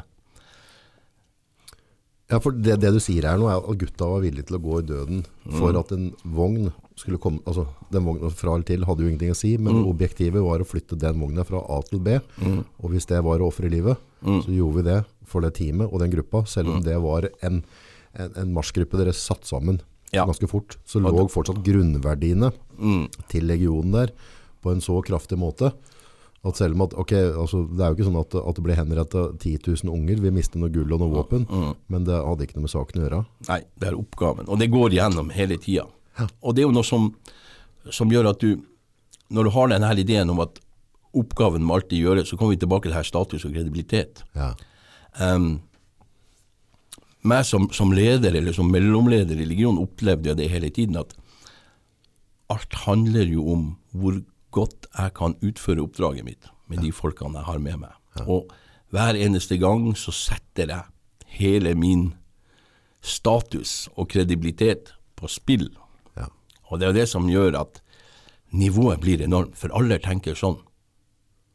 Det Det er like viktig for, for den menige som uh, kontrollsjefen. Altså, Ja, men det er like vær, viktig for alle. Hver på sitt nivå har den her Dem som er under deg, Ja, er viktig for at de ikke ødelegger habiliteten overfor deg, og du skal ikke ødelegge den overfor neste en, og neste. Akkurat. Det er, det er hele vår, vår kultur er bygd på det. Og, og øh, onde tunger kan sikkert si at vi er i sekt, og det, det må de gjerne få si. Men vi er ei sekt som fungerer, og som gjennomfører, og som leverer. Det er det som er viktig. At vi kan levere et produkt som vi har blitt bedt om å levere. Og det, det går igjen. Og som jeg sier, jeg har nå vært arbeidsaktiv i, i, i 37 år. Jeg har aldri vært syk en eneste dag. Ferdig snakka. Ja. Det, er, det tenker vi ikke noe på. Så det, det er en del av det du, du må være i. Være med på toppen her. Og da får du jo mye igjen. For da, når du er en del, så er du en del av det her systemet, og så får du en status, og du får en tilhørighet. Og du får en, den her følelsen som gjør at du er med på noe større. Og, det sånn, og da betyr det alt. Det er klart. Og, og da spesielt for legionærene, som, som jo lever et veldig enkelt liv. De har ikke bil, de har ikke kredittkort, de har ikke gjeld, de har ingenting. De, de lever, Jeg har jo levd der sjøl. Du har et lite skap og et lite skuffe med noen personlige greier, men så lever du et helt fantastisk liv. Hvor du reiser ut seks måneder i året, du kommer tilbake, du har litt ferie. Drikk og sløs litt. Nei da, vi, jeg var jo en, en, en, en yngre mann, vet jeg. Av og til så drar vi ut og, og lar oss bli misbrukt av eventyrlystne kvinner. Ja, sånn, det, ja, men prøver vi å unngå det. Men um, hvis ikke så er. Det, det er jo ja, drikke og slåss litt ut, men så er du rett inn igjen og streng disiplin på et kurs, og så er det ut i, på en annen operasjon. Så det er jo det er et liv som går i hundre, og du har ikke tid. Du våkner hver morgen og løper 15 km, 15 km og får frokost. og liksom det, det Det er ikke dit til å tenke og gruble. Nei, ja, nei, nei, nei. Og det, det gjør at du får en annen, et annet perspektiv på livet. Charles, kan vi starte helt, altså din, din altså din reise da. Mhm. Hvordan startet den, eh, altså oppkjøringen til at du bestemte deg for å reise og, og den reisa? Altså, hvordan, Ja, jeg var jo en, en, en eh, Jeg er jo nordlending, som vi kan høre. verste sort. Ja, eh, En nordlending uten artium. Og skulle egentlig vært i det norske forsvaret, men på, på midten av 80-tallet så er det ikke noe, var det ikke noe fremtid i det norske forsvaret hvis du ikke hadde artium. Nei. Da måtte du ha allmennfaglig og de, altså, Ja, ja, være var- ja, ja. Og um, det er jo i og for seg greit. Så det var helt tilfeldig at jeg så Fremmedlegionen og fem år og kameler og ørken og greier. tenkte, Jeg trodde jo ikke at de skulle, skulle ta imot meg, men jeg sa ikke noe til noen, og så bare reise og prøvde. Hvordan reiste du nedover da? Bare fly fra Fornebu ned, eller hvordan? Nei, i de dager så var det jo interrail, så jeg tok en sånn der uh, togbillett for en måned og endte opp med, med, med skjelvende knær foran et rekrutteringskontor i, i Strasbourg i Paris, i, i Frankrike, unnskyld. Men det å bestemme seg og, og dra ut på, altså, det er Ja. ganske, det det er ganske sånn, der, sånn mentalt å si, ok, nå, jeg, nå er jeg villig til å, å satse fem år. Jeg Ja. aner ikke hva jeg går til. Alt er mytebelagt rundt, så jeg har ikke peiling på hvordan du møter meg. Det er ganske drøyt. Ja, og du vet, jeg tror det som Det som egentlig hjalp meg, var at jeg, jeg, jeg trodde ikke jeg skulle bli tatt opp. Jeg forventa at jeg skulle bli hivd ut. Ja, ja. Så tenkte jeg ja, ja, så har jeg gjort det, så har jeg driti meg ut. Så har jeg jo den erfaringa, liksom. Ja, ja, ja. Og så ja, gikk det jo dager og uker, og jeg var fortsatt med. Så um, Du kom til Strasbourg, hva, hva, hva skjedde, og så hvordan husker du? Ja, det var jo det var jo en, en, en, en veldig, veldig spesiell dag. Jeg kom jo dit uh, med tog om natta og spurte politiet, og de franske politiet prøvde å forklare meg at du er helt gal, du må ikke gå dit. Du må reise hjem, og de prøvde jo å si liksom, når jeg reiste så langt, så må jeg jo komme ned. Da. Så jeg kara meg opp og gikk inn der og Var det en, en slags uh, fortfestning? Ja, det er eller? sånn, du, du, du kommer rundt et hjørne, og så har du en sånn 500 meter stor, hvit vegg som er kanskje 10 meter høy, hvor det står 'Legion étranger'. Altså, stor skrift og en liten dør midt på, liksom. Da. Blir som å se på sånn film, ikke Ja, ja, du står der med skjelvende knær. Ryggsekk på ryggen. Ja, ja, ja. Jeg liksom banka på døra der liksom og tenkte hva faen gjør jeg nå? Der kom det en liten kar der som var sånn halvparten min høyde og så på meg. liksom. Med, med cappy og hele Ja, greia? ja, ja. Og da De kjenner jo da, Lusa på gangen. Ja, ja, ja. Så jeg ble jo bare putta inn på et kontor der liksom og fikk en kontrakt om å skrive under. Og, og that, that was it. Altså. Hvor, hvor gikk reisa videre da fra Ja, det som skjer, vet du, de, de, de, eh, disse rekrutteringskontorene da, da gjør jo en første filtrering hvor de tar inn folk da som og blir kvitt de som ikke passer da for hundretusenvis av grunner. Så, så Hver uke så sender de ned da til uh, utenfor Marseille, så har de en, en liten by som heter Aubagne, hvor, hvor uh, Fremlingons hovedkontor er. Og hovedkvarter. Og de blir sendt dit, og da blir da kjørt igjennom den prosessen jeg snakka tidligere da med fysisk, psykisk, medisinsk Alt det der skjer jo bang. ja, der blir du, der blir du testa og kjørt gjennom kommisjonen, og så ø, innom da sikkerhetsklarert etter et par uker. Og så fort du er da blitt akseptert, eller ikke akseptert, så de som er akseptert, blir da, får da et tjenestenummer og blir utlevert med alt utstyr og uniform og alt som skal til, og sendt på rekruttskolen. Når, når du gikk videre, hva hadde du av, av eh, altså, hva hadde med deg av ting når du kom inn? Altså, beholdt du penger, pass, altså hva, Alt blir tatt fra deg. alt. Alt. Du er bare i trusa, Ja. Nei, nei det? ikke engang. Ikke en nei, trussel? nei, ingenting. ingenting. Alt skal bort. Alt skal bort. Ja, det er nytt liv. En ny verden, et nytt univers. Og det, det passer egentlig bra, for da blir plutselig alle blir veldig like. Ja, det er ikke noe forskjell, ikke sant? Ja, og det er andre, andre regler som gjelder. Så da får du da, og da blir du sendt på rekruttskolen. Den da varer i ca. fire måneder, fire og en halv måned. Og etter det så blir du da, som jeg sa, går du gjennom en eksamen, og Men i rekruttskolen og i den der filtrasjonsgreia, Mm. fikk du deg noe sånn derre altså, Var det noe, noen ganger at du Hva er det jeg roter meg oppi nå, liksom? Hva, hva er dette her for noe? hver dag, hele tida. Er du klart, jeg vet jeg Jeg skjønte jo ingenting, jeg snakka jo ikke fransk, vet du. du bare prøver å henge med vet du, og, og prise deg lykkelig for at du ikke blir hivd ut. Fikk du bare- juling på den tida?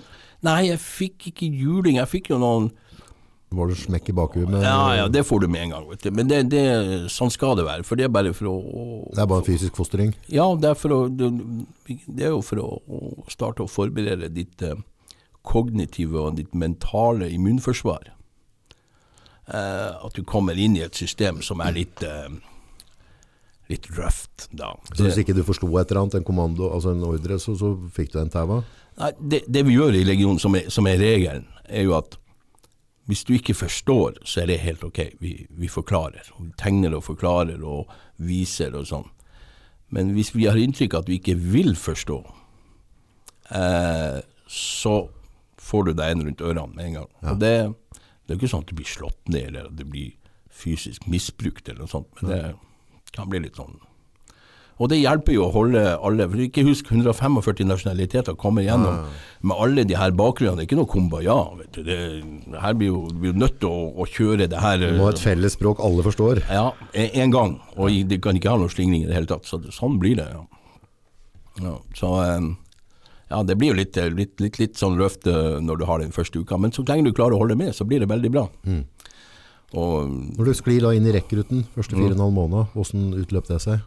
Ja, rekrutten er, Fremmedlegionen gjør det på en annen måte. Vi har jo ikke noe tro på, på klasserom og, og store skoler og sånn. Så når det kommer en tropp eller et, en klasse der, vi kan si et sånt, sånt kull som kommer på rekruttskolen, så det første vi gjør Fremmedlegionen har leid gårder langt ute i ødemarka, hvor ingen andre bor. Og der reiser vi ut da som, som kull. Det blir sånn de, de farmen? Ja, ja, der, ja. det. Og der blir værende i ca. seks uker, hvor vi lærer da dag og natt. Helt Lite søvn? Ja, lite søvn. Jeg har ikke behov for å sove så mye. Det, ja, ja. Og det er da, vi, vi er jo da i den her um, nedbrytningsprosessen. Ok, vi driver Ja. fortsatt bygger ned. Ja, da, da, da driver vi og bryter ned folk. Så denne tida går på å lære helt enkle ting. Hvordan skal du pusse skoene dine? Hvordan skal du eh, forholde deg i sånne tilfeller og sånne tilfeller? og sånne, Hvordan skal vi leve sammen? Og det, det er helt enkle ting som blir banka inn, men det foregår 24 timer i døgnet. Ja. Det er et press hele tida. Og det vi egentlig gjør, det er jo teknisk å gi deg noen små grunnprinsipper. For eksempel, eh, å ta fra hverandre og putte sammen våpenet. Det er jo ikke så teknisk det er så vanskelig, det kan du lære ganske fort. Men skal du nå på skytebanen og skyte med det her våpenet, så må du jo ha forstått en del grunnprinsipper innenfor sikkerhet eh, og franske kommander for at det her skal fungere. Så da driver vi og lærer det. Men samtidig som vi lærer de her enkle grunnprinsippene, nok en gang, alle kommer fra sin bakgrunn, så driver vi og lærer de her grunnprinsippene med et press hele tida. Dag og natt. For å- å bryte dem ned. Samtidig som bygger du automatlegeme på hvordan du Ja, så alle er sammen i gruppe. Vi får juling, da, mentalt juling, i gruppe, og de bryter, da bryter folk sammen, én etter én, men de er sammen. Så da, og da skaper vi denne enhetsfølelsen. Og det foregår i denne prosessen hvor du nesten ikke sover.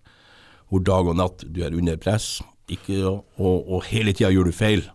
Og når du gjør feil, så blir det straff. Og, og, og da Er du ute og marsjer og, og du går på deg noen eh, fantastiske gnagsår, så er det ikke noe empati å få der. Det er bare sakket opp, eller er også Nei, det er da selvfølgelig ikke. Du får ikke, det er ikke noe empati i det hele tatt. Ideen er jo å bryte dere ned. Så det, det er ganske, mm, ganske tøft. Jeg vil ikke si at det er så veldig hardt fysisk, fordi at mange tror at øh, jeg må trene så mye. Nei, trener blir bare i god form.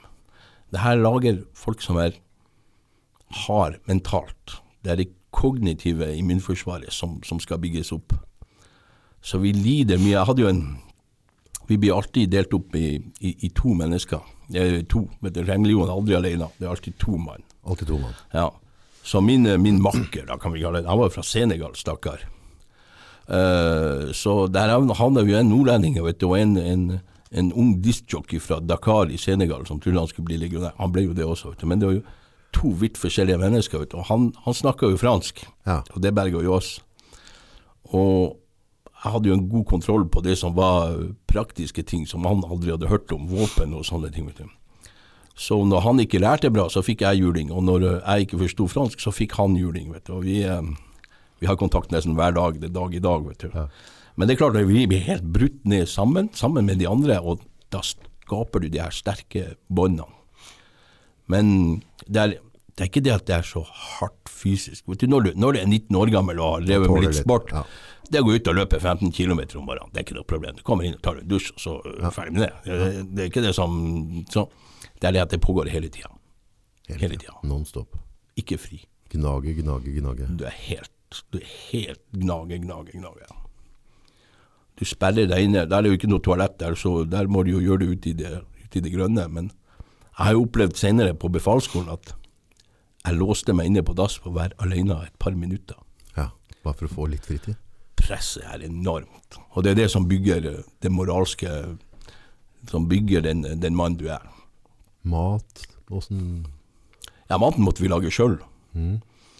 Og det er jo en annen ting, liksom, å finne noen som kan lage mat i denne gjengen. Så hadde vi en kineser som så ut som kan lage mat, så vi plaga han til han lagde noe som vi kunne spise. Og det, det høres helt surrealistisk ut, men alt det Så her ut som kunne lage mat. Så ja, vi kjørte det der, og det Ja, det, det høres kanskje rart ut, men det, det fungerer. Ja. Du bygger en enhet da. Så når du da kommer ut av den prosessen, og da kan begynne å Når alle er helt nedbrutt og, og, og liksom ikke bryr seg lenger om noen ting annet enn å overleve, så da kan vi begynne på en instruksjon og forklare dem. De fjerner alt trivielt, alt som er Ja. altså Det var å gå helt tilbake igjen på kjernen, på Ja. urmennesket, og Ja. overleve. Ja, Og være det presset hele tida, liksom. Så der, der lager vi hjørnesteinene, Ja. som foregår da, ja, fire til seks uker. Eh, når du ikke har sovet på seks uker, så begynner du å bli eh, Da ser du ting. Ja, ja, ja. Du ser ting som ikke er der. ja, ja. Så får du en rundt ørene når du ikke forsto. Eh, det, det, det, man- Ja, Ja. Du får det fra alle vinkler. ja. Så det, det skaper en god, god base for å få folk som er motivert, som folk som er fokusert. Og null forståelse for dine personlige følelser. Ja, det er jo helt uinteressant. Ja. For du skal være en enhet. Ja, det, så det har ingenting med det å Stakkars meg. Ja, stakkars meg. det, er, det er helt uaktuelt.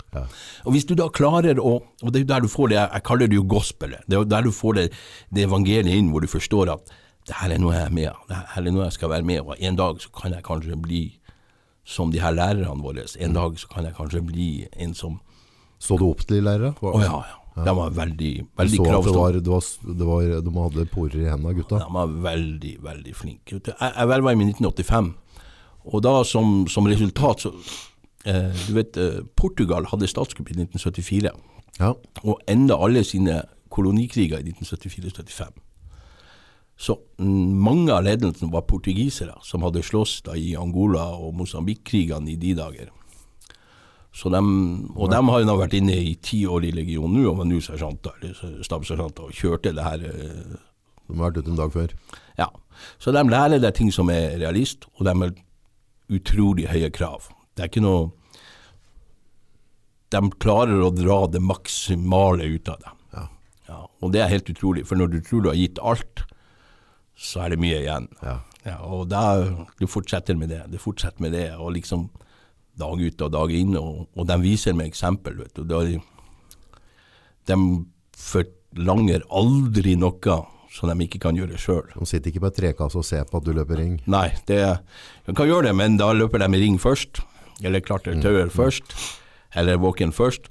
Selvfølgelig har de ikke samme presset, de avløser seg, og de Jo, jo, de de, jo, jo. Men de er i stand til å gjennomføre det samme Å ja, å ja, å ja, ja, ja. Og de viser og gjentar og gjentar og Det er gjentar. en viss rettferdighet, da. Du må det. Kontra altså, en gang. norske, da, som, som på en måte du har Skal ikke du jobbe med det befal Mm. som du ser liksom, som ikke har noe i skyttergrav å gjøre i hele tatt. Sant? Det, er- det bare mammagutt hele opplegget, men så har han gått på har han, har han utdannelse, og så skal han bare ha en sånn fin befalsgrad. Så ser du at han har ikke noe ute i strid å gjøre. Men disse gutta der, de hadde noe der ute å gjøre. Ja, og du vet, nok en gang, 145 nasjonaliteter, forskjellige bakgrunner. Det, det, det er jo en krass gjeng, egentlig. Hvis du skal lede dem, så må du ha en kredibilitet. Det må være gutt. Ja, du, du, det er ikke nødt til det, vet du. du hvis du skal Du får en sånn her eh, bondesønn fra Kasakhstan som er 100 kilo og har en IQ på tre og kan slåss. Hvis du skal lede han, så må han være overbevist om at du er mye bedre enn meg. Ja, og ellers så da- det. Ja, så de har veldig mye kredibilitet. Og hele, vi snakka om det litt tidligere, hele lederskapet går på det. Ja. Du kan ikke bli leder hvis du ikke vil ha kredibilitet. Det, det, det går ikke an. Nei. Du kan ikke lære folk ting du ikke kan sjøl. Nei, nei, nei. nei. Og du, du må kontrollere helt bare, Ikke bare kunne det, du må kunne demonstrere at du er overlegen. Og de gjorde jo det hele tida, men da med et enormt press. Eh, og når du kommer ut av den, den prosessen, så roer det seg jo da. Angra du deg underveis? Mm. Tenkte du at dette var feil valg, eller hadde du allerede havna så inn i gospelet da at du, at du hadde lyst til å Eller hadde du perioder tenkt på at ah, faen, jeg driver med noe sånt? Ja, du eh, Det begynner å bli noen år siden, men jeg kan ikke huske det. Jeg, jeg kan ikke huske at jeg, jeg, jeg var virkelig jeg, jeg trodde på det her gospelet, vet du. Og så kunne jeg jo ikke reise hjem til Bodø og se ut som en idiot. Så, så det, det? det, det går ikke det, så da var det jo bare å kjøre på. Vet du. Og jeg tror, jeg tror jeg lærte fort Ikke fordi at jeg var smart, men, men fordi at jeg var heldig. Jeg lærte fort, eller jeg forsto egentlig systemet Um, ubevisst. Som gjorde at jeg skjønte at hvis, det, hvis du står på, og du gjør mm, som det skal, og du leverer, um, så har du ikke noe problem. Så går det bra. Ja. Og det har fulgt meg i, um, i mange år. Så det, ja, det var, det var litt av en opplevelse, det. Og deretter følger da de tre neste månedene, som er fortsatt eh, på samme måte, men da er du tilbake i leiren eller bak på øvelser. og De driver da, da bygger vi opp litt og lærer deg litt fransk og sånn. Da begynner vi å investere litt i det. Ja, ja. Og det, det er jo hele graden, for da har vi brutt deg ned, og så skal vi bygge opp. Yes. Og da blir vi samkjørt, lærer tradisjoner, lærer hvorfor, øh, hvorfor vi slåss, øh, hvordan vi skal gjøre det, og hvem var våre forfedre, hvem var våre helter, hvem skal vi se opp til. Vi bygger opp denne nasjonen som er fremleggen. For det er jo en nasjon, det er en familie, en sekt. Og får da liksom sånn hvis du vil være med, så er det et fantastisk liv. Sånn er det. Og da Ja. Enkelt og greit. Ferdig med rekrutteringa eh, på oppbygging, så kommer du til det punktet etter en fem-seks måneder der at du skal på en måte at du blir stilt framfor et valg, eller i hvert fall få mulighet til å ytre ønsket ditt. Mm. Hvilken retning skal gå. Hvordan uttalte det seg for deg? Ja, det, det var litt spesielt, for at um, jeg fikk ikke noe valg. Um, uh, jeg kom godt ut av denne greia mi og um, av det kullet mitt, og da, da sa han løytnanten at nei, du skal du skal bli uh, Du skal gå to rekruttskoler til. To å- år? To rekruttskoler Ja, til ja. for å være da det vi kaller monitør, for å være korporal. Å, så jeg blir, måtte gå seks måneder på en korporalskole for å da bli instruktør for det neste kullet. Men husk nå, som jeg sa, dem som var dem som var egentlig instruktører, de hadde en masse kredibilitet. Men så hadde vi da en del folk, sånn som jeg da ble, som en sånn der underinstruktør, som er den legionær som har gått igjennom, som går på nytt igjen, men bare for å vise, som demonstrerer hele tida. Så demonstrerer hvordan du skal gjøre det. Demonstrerer. Så jeg gjorde en tidligere rekruttskole hvor jeg demonstrerte da som leder. Um, Da var det inne som korporal.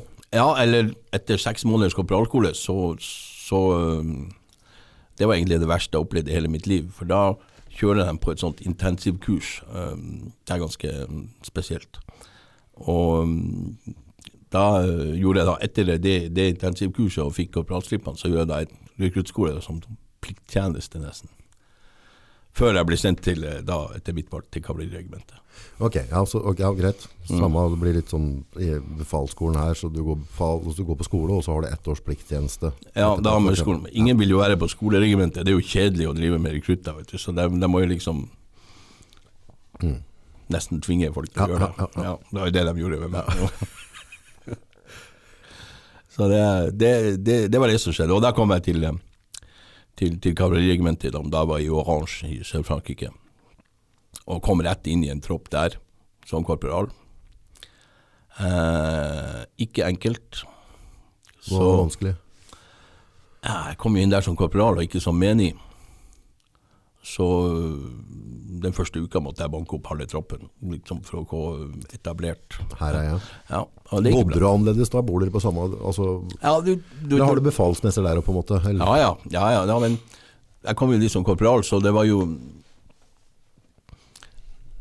Du vet, du kommer inn i en familie, en eskadron. Kavalerieskadronen i, i kavaleriregimentet har jo vært en familie siden 1921. Så er det en hel åre med historie. da. øh, Vi er den siste enheten som angrep fienden til hest og sverd. Ja. Uh, alle våre forfedre var russere fra, fra den russiske revolusjonen. Og, så du kommer inn i et sånn Du kommer inn i en eskvadron hvor alle gangene er fulle av bilder av forhenværende Stolthet. stolthet, og så liksom du smører med Wow, hvem er disse? Ja, de er døde alle sammen. Alle er døde i, i slag. Så du kommer jo inn i det her eh, familien da, og liksom må, må, må vise at du kan være med.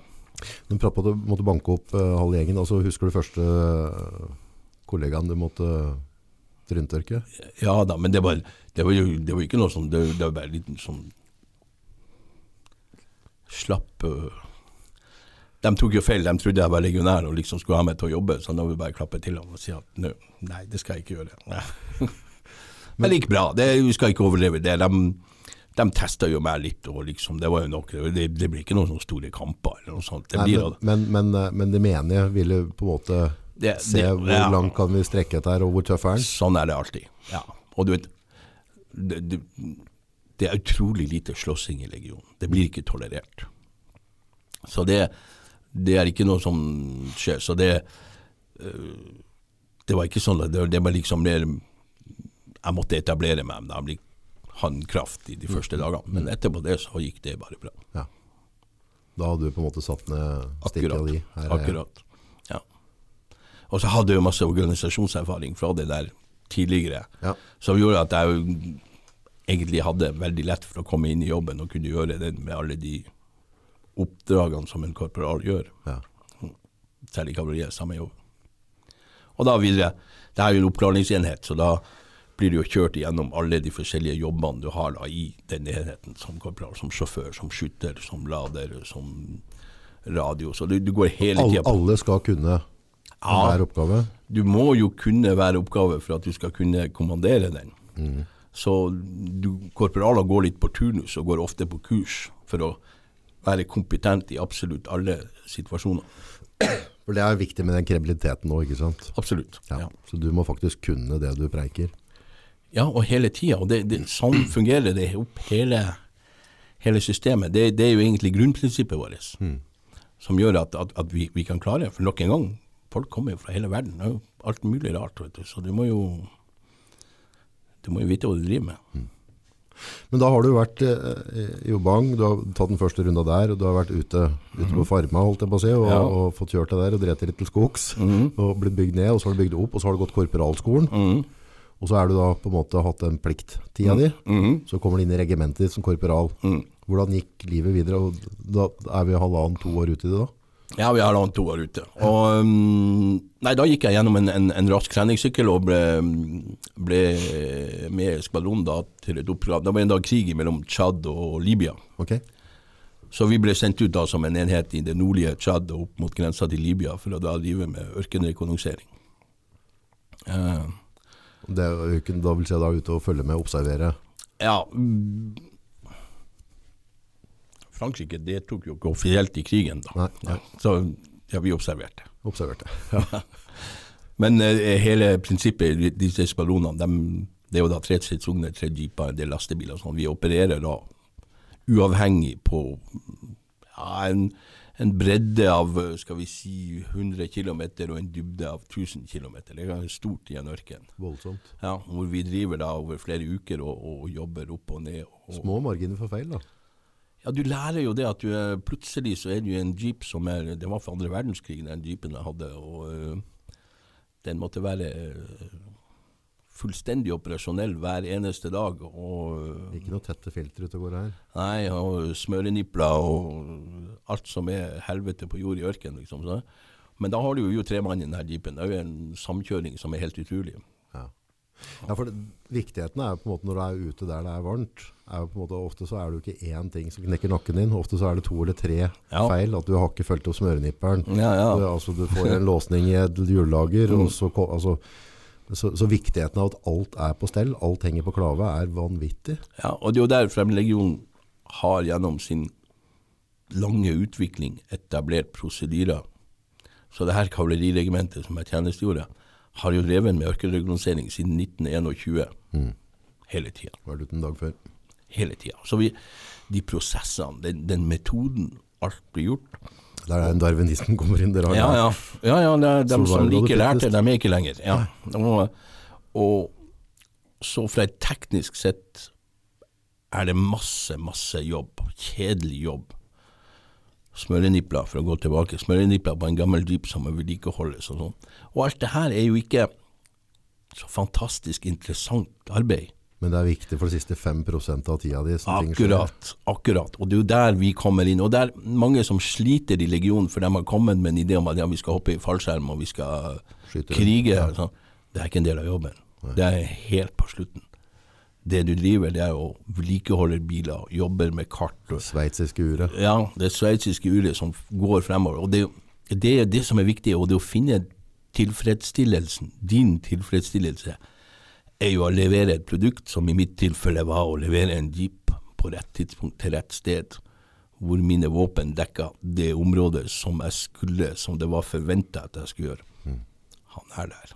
Da, og da får du kredibilitet, status, tilhørighet. Må beise sjarsken å legge han til kai. Ja. Er det ikke det de sier? da? Jo, det er. Litt senere. Akkurat som å legge han til kai. Ja. Ja. Husker du, eller det gjør du garantert, eh, kan du fortelle litt om første gangen du var ute i en skarp situasjon? At du skjønte at nå, nå, er, jeg, nå er jeg faen meg soldat her. Altså, nå, Ja. nå, kommer all treninga til nytte. Ja, akkurat. Og det var jo, det, det var jo akkurat i den, den her operasjonen jeg snakka om nå, at vi, vi fikk en del eh, ja. og, og som jeg sier, den skarpe situasjonen kommer ikke som en overraskelse. Den begynte jo flere måneder før. Og da har du jo samtrent med de folkene du leder, og de folkene du blir leda av. Og du kommer inn i den situasjonen innenfor et rammeverk hvor du har en oppgave. Vi har en oppgave, jeg har en underlagt oppgave av det. Og de folkene vi jobber med, har oppgaver. Så det, det er ikke noe som kommer som en overraskelse at situasjonen blir skarp. Nei. Og min, min største det, det her var jo mot libyske styrker i- helt nord i Tsjad. Um, det, min, det, min skrekk var jo ikke å, å bli skutt. Min, min skrekk var jo å, å være på feil sted, være, være, å ikke levere. Ikke levere din Ja. bit. Så um, Kanskje veldig skuffende, men jeg, jeg opplevde ikke den situasjonen som veldig dramatisk. Men hvordan utløp det seg? Hva, hva skjedde? Altså sånn Ja, vi, det, det som skjer, vet du, at vi kjører jo som en patrulje, og så kommer vi opp, og en, plutselig så står vi, finner vi at vi har en fiende som Libera som driver og beveger seg i området. Så de ligger i posisjoner klare? Altså Nei, de, de manøvrerte, de kjørte. Ja. Ja, og da manøvrerte jo vi til en situasjon hvor vi åpna ild når det var til vår fordel. Ja. Så vi bestemmer Ja. når krigen skal begynne. Ja. Og når du kan bestemme når krigen skal begynne, og når den skal avsluttes, så vinner du. ja. Så det Men var det altså tømming av magasin Altså var, var det en, full Nei. Mitt, mitt, helt ærlig, mitt oppdrag var jo Jeg hadde en, en, jeep, en liten mitraljøse, øh, 762. og Det ble ikke skutt mange skudd fra min side. Ja, jeg tok ingenting tilbake. Så det, men nok en gang, hvorfor ble det sånn? Det ble sånn for at vi kom med en hundreårstesta prosess som ble kjørt igjen av profesjonelle folk, som gjør at vi, vi kom inn i den situasjonen til vår fordel. Ja. Og da er det jo bare å, å gjøre jobben. Mm. Så dere, du, du hadde ikke noe tap blant gutta dine? Overhodet ikke. Nei. Det er sjelden. Men dere felte på andre sida, eller? Ja, ja, ja. Selvfølgelig. selvfølgelig ja. Men da også vi, vi, vi eh, Målet er jo ikke å, å ta livet av mennesker. Målet er jo å ta fra fienden hans vilje til å slåss. Og svært ofte så er det det som skjer. At veldig ofte så, så trekker han seg tilbake. Og da er jo egentlig greit for oss. Eller han overgir seg, eller han kommer ikke på bordet, eller han Så Men, men altså, jeg skjønner jo, du har jo vært gjennom en lang, lang prosess, men allikevel så må det være på en måte et punkt da, eh, der du har, du har trent opp, du har, altså du har på en måte alle nipla, alt er prosessen, tannhjula går, du kommer i en situasjon, og så er vi inne der, eh, du og dine, eller den gruppa du er, tar liv, eh, og og jeg skjønner at, på en måte, at kanskje ikke det oppleves veldig dramatisk da, for det er noe du er veldig, veldig forberedt på. Det er noe, der, det, altså, det er noe som går på automatlegeme. Du gjør på en måte det. Men i etterkant da, tenker du altså sånn, Nei. Nei. Men det er også noe vi lærer at det, det er en del av gamet. Ja. Ja. Og kanskje jeg er heldig, jeg vet ikke, men jeg har aldri ligger i ordet krig, kanskje? Ja, det, det er jo liksom det vi driver med, da. Og, så det er jo noe vi bør forvente. Så det var ikke, noe, det var ikke noe, et point der du følte at uh, dette vært vel alvorlig? Nei, ikke et point. Det er, det er en prosess som går. Jeg kan ikke si at jeg hadde det. Jeg, jeg var veldig, veldig fornøyd etterpå at mitraljøsa ikke hadde låst seg, og at jeg ikke, vi hadde Hvordan mitraljøse hadde du det? Eh, er sånn en AA52. Det typisk fransk. Typisk- Ok, Så du Ja. har ikke det gamle MG3 og Ja, det ligner veldig. ligner veldig. Ja. Ja, det er det samme. Ja, så en sånn 762, så Ja, ja, samme. Uh, vi, veltreven sak. ja, vi, vi var på plass uh, til rett sted, rett tid. Uh, vi leverte det vi skulle. Vi tok ingenting. Tok gang ingenting, det vil si. tilbake. Ja. Og vi trakk oss ut med en gang. Det er jo hele ideen. Vet du. Det ble et sånn lett rekognosering. Det at vi går inn, vi slår og trekker. oss. Vi blir aldri sittende og slåss. Nei. Vi slår og rykker inn, røyker tilbake. Så det er, det er veldig dynamisk.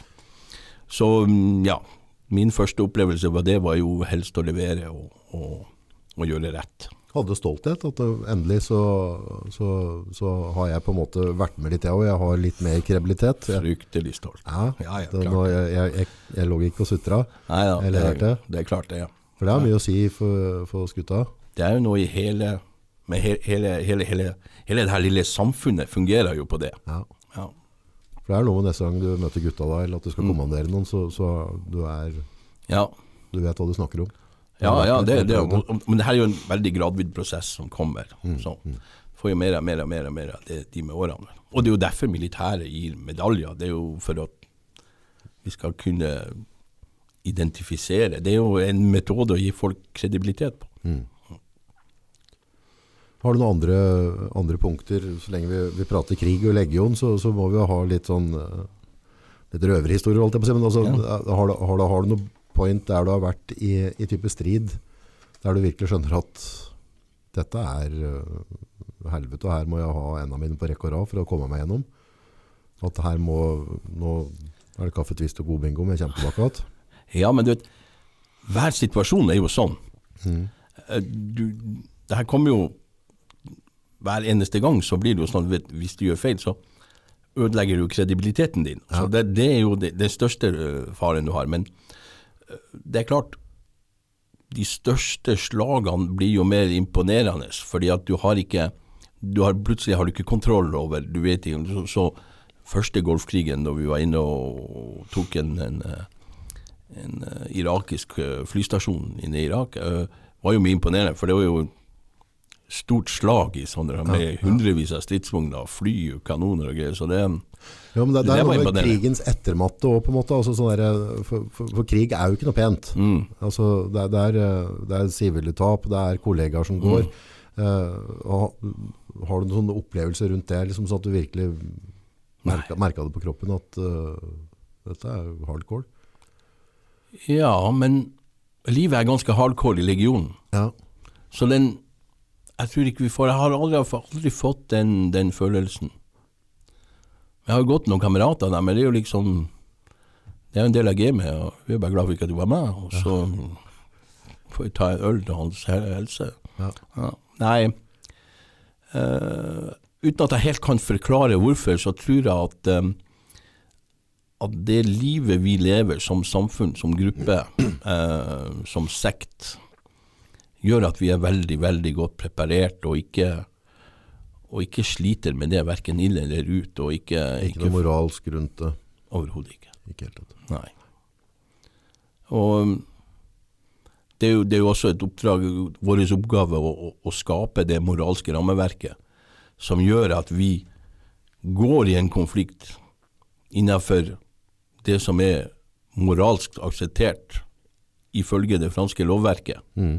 Så vi holder moralen på vår side, og det er jo derfor vi ofte ikke kan vinne konflikter, for vi kan ikke gå utenfor det lovverket. Nei. Hvis vi kunne begynne å bare drepe folk, så er det ikke så veldig vanskelig. Vi har utstyr og erfaring, Ja. men sånn fungerer det ikke. Vi går innenfor et rammeverk, og da må heller dra oss ut og, og unngå situasjonen. Så jeg har aldri hatt en situasjon hvor jeg følte at moralsk det var utsatt, eller at etterpå jeg liksom hadde vi gjort det rette? Det er ingen tvil om at vi gjør det rett. Vi har det flere måneder i forveien. Kanskje jeg gjentar meg sjøl litt. Men Ja, det, det, Det så er det det, handler om. det, det, det er ingen tvil. Aldri vært noe, noe, noe Nei. Videre, korporal. Du, du, Ja. Ja, så det kapral. du, Eh, du er korporal og har vært i den første skarpe situasjon. Eh, Ja. Og, og, og det har jo på en måte adda på din krebilitet som korporal òg. nettopp. Um, kommer tilbake, og da blir jo da vanligvis når vi kommer tilbake, så er det noen dagers ferie, og så eh, er det rett på en masse kurs, forskjellige kurs, som du må lære eh, tekniske ting. Og da en cycle med trening i Frankrike, til vi da bygger opp skvadronen igjen til hver enkelt har blitt trent individuelt. Team, tropp fra hele, hele Vi går gjennom hele prosessen nok Så hvis du har vært ute i, i, i strid, da, eller vært ute der det er varme områder, Mhm. så etter du er på en måte ferdig med den, eh, den, eh, den perioden, Mhm. så er det tilbake igjen, restarte Ja, og bygge på nytt. ja, da bygger vi opp eskvadronen igjen. Så at vi ikke drar med oss for mye uvaner. Ja, det er altså, en- en masse grunner til det, men også du må jo huske at det har jo skjedd justeringer i stridssituasjonen. Det har jo skjedd en masse ting. Folk har bytta jobb fordi at situasjonen krevde det og sånt. sånt. Så da kommer vi tilbake, og så reset, liksom. Vi setter og bygger opp igjen. Og sjekker at alle kompetansene er til stede, og, og bygger opp igjen den skvadronen igjen til han er da igjen det vi kaller for operasjonell. Og eh, det gikk veldig fort, og da eh, generelt eh, de som har utmerka seg litt som korporaler, da er det en par-tre karer som blir sendt på sersjantkurs. Og da blir jeg sendt på sersjantkurs, da er det tilbake til Det er ganske stort, for det, er, altså, det er ikke alle som blir sendt på sersjantkurs? Nei, Det er hadde flaks. flaks. Ja, ja. Dum nordlending, vet du. Åla seg. Ja. Så um, ja, jeg ble ganske utvalgt uh, fort til å gå på sersjantkurs, og da um, uh, Det er også en fem-seks måneders periode. Får du plikt til etter det, eller? Nei, men du er tilbake på Det er jo fordi at regimentet har behov for det. Ja. Ja. Så um, du går på sersjantkurs, uh, kommer ut fra sersjantkurset, så bytter du skvadron. Da ble jeg sendt til første skvadron. Jeg kom tilbake Ja. som ung sersjant. Og da, er jo- da i de kursene så er det jo vognkommandørkurs og ja, det er sånn kommunikasjon med, med støtte. Det går jo et, høy, et hakk opp da i, i, det, det, i det du driver og, og, og jobber med. Så jo, det blir en, en hel del kurs som det da må, må trenes opp til. å og, og bli da kompetent i forhold til det skvadronen krever i sin, som jeg sa, i denne treningssirkelen. Så jeg gikk gjennom én, gikk på sersjantkurs, og så gikk jeg gjennom en til sirkel. Eh, og da var vognkommandør eh, i, i første skvadron. Vognkommandør, kan du forklare litt rundt det? Hva er Ja, en, en, en opplæringstropp har da tre stridsvogner på hjul. Mm. Det er noe vi, vi har ikke det i Norge, men Nei. det er sånn langdistanse. Og så har vi tre jeeper på hjul, selvfølgelig. Ja. Og det her er da den taktiske delen. Så Mange soldater er det hver, hver av de stridsvognene? Og, og fire mann. fire mann. Ja, fire mann. Og tre mann i jeeper. Og mm, jeg hadde jo vært skytter litt som korporal. Jeg har vært, øh, jeg har vært sjåfør veldig lite, men litt i alle fall. Eh, og, men jeg var jo spesielt da kommandør for en, for en jeep. Ja. Så gikk jeg på sandkurs, vannkommandør og alt sånt der, så jeg ble jo en ung vannkommandør da. Og da vil si at da har du da de tre jeepa, tre panserkjøretøya Ja. under deg, Nei, da har jeg ett panserkjøretøy under meg. som sant? Ja. Ok, ja. Og um, det er jo et nytt, nytt yrke, da, uh, som vi lærte. Uh, så kom jo da den store overraskelsen da vi skulle sendes til ei lita øy i Det indiske hav mm. på fire måneder. Og da omorganiserer vi oss til eh, infanteri. Okay. Ja, og det Så vi ble et infanterikompani i stedet for å være en stridsvognsskvadron Ja. og reiste dit. Ehm, det var jo i fredstid der, så det, det var jo mest vakthold på ø, øyer og atoller. Hvordan så boforholdene ut, og, og, og altså mat, dagliglivet? Ja, dagliglivet hadde Min, min, min, min, eh, troppssjef ø, i de dager var en, ø, en gammel kar fra Kambodsja. Oh, ja. Ja. Eh, kineseren kalte vi han. Han var en, en hard jævel.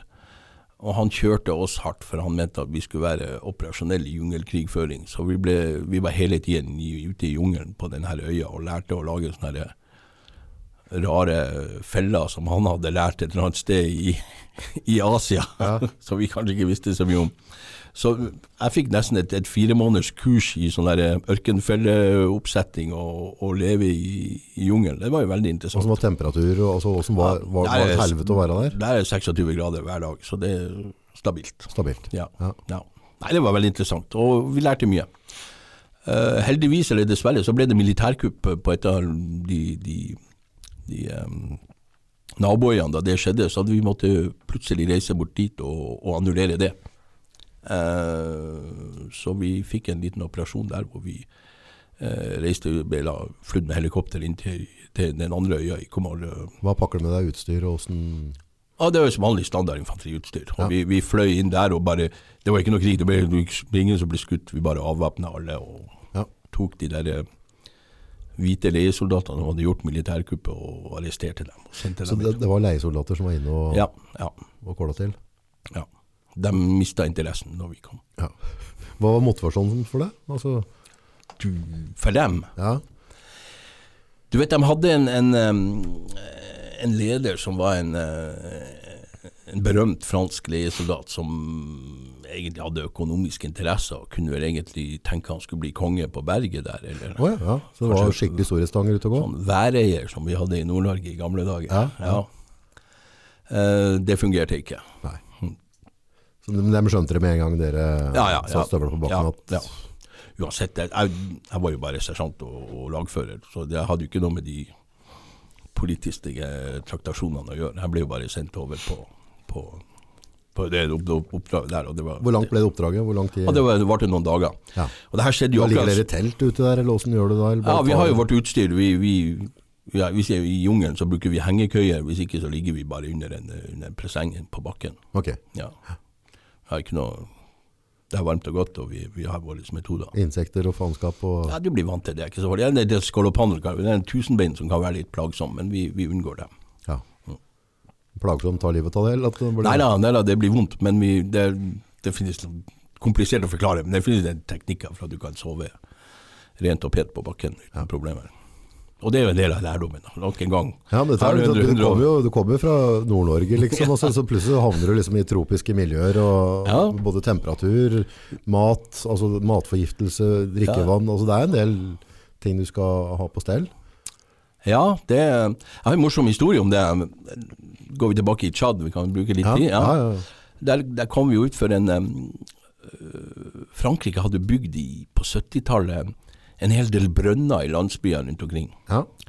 Og, um, og uh, Hens av det at du jobber med folket. Ja, Altså, akkurat. akkurat.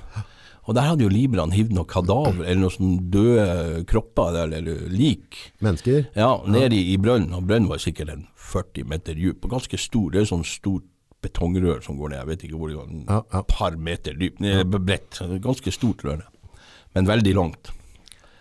Så da hadde jo han der eh, troppssjefen vår funnet at det her skulle vi rydde opp i.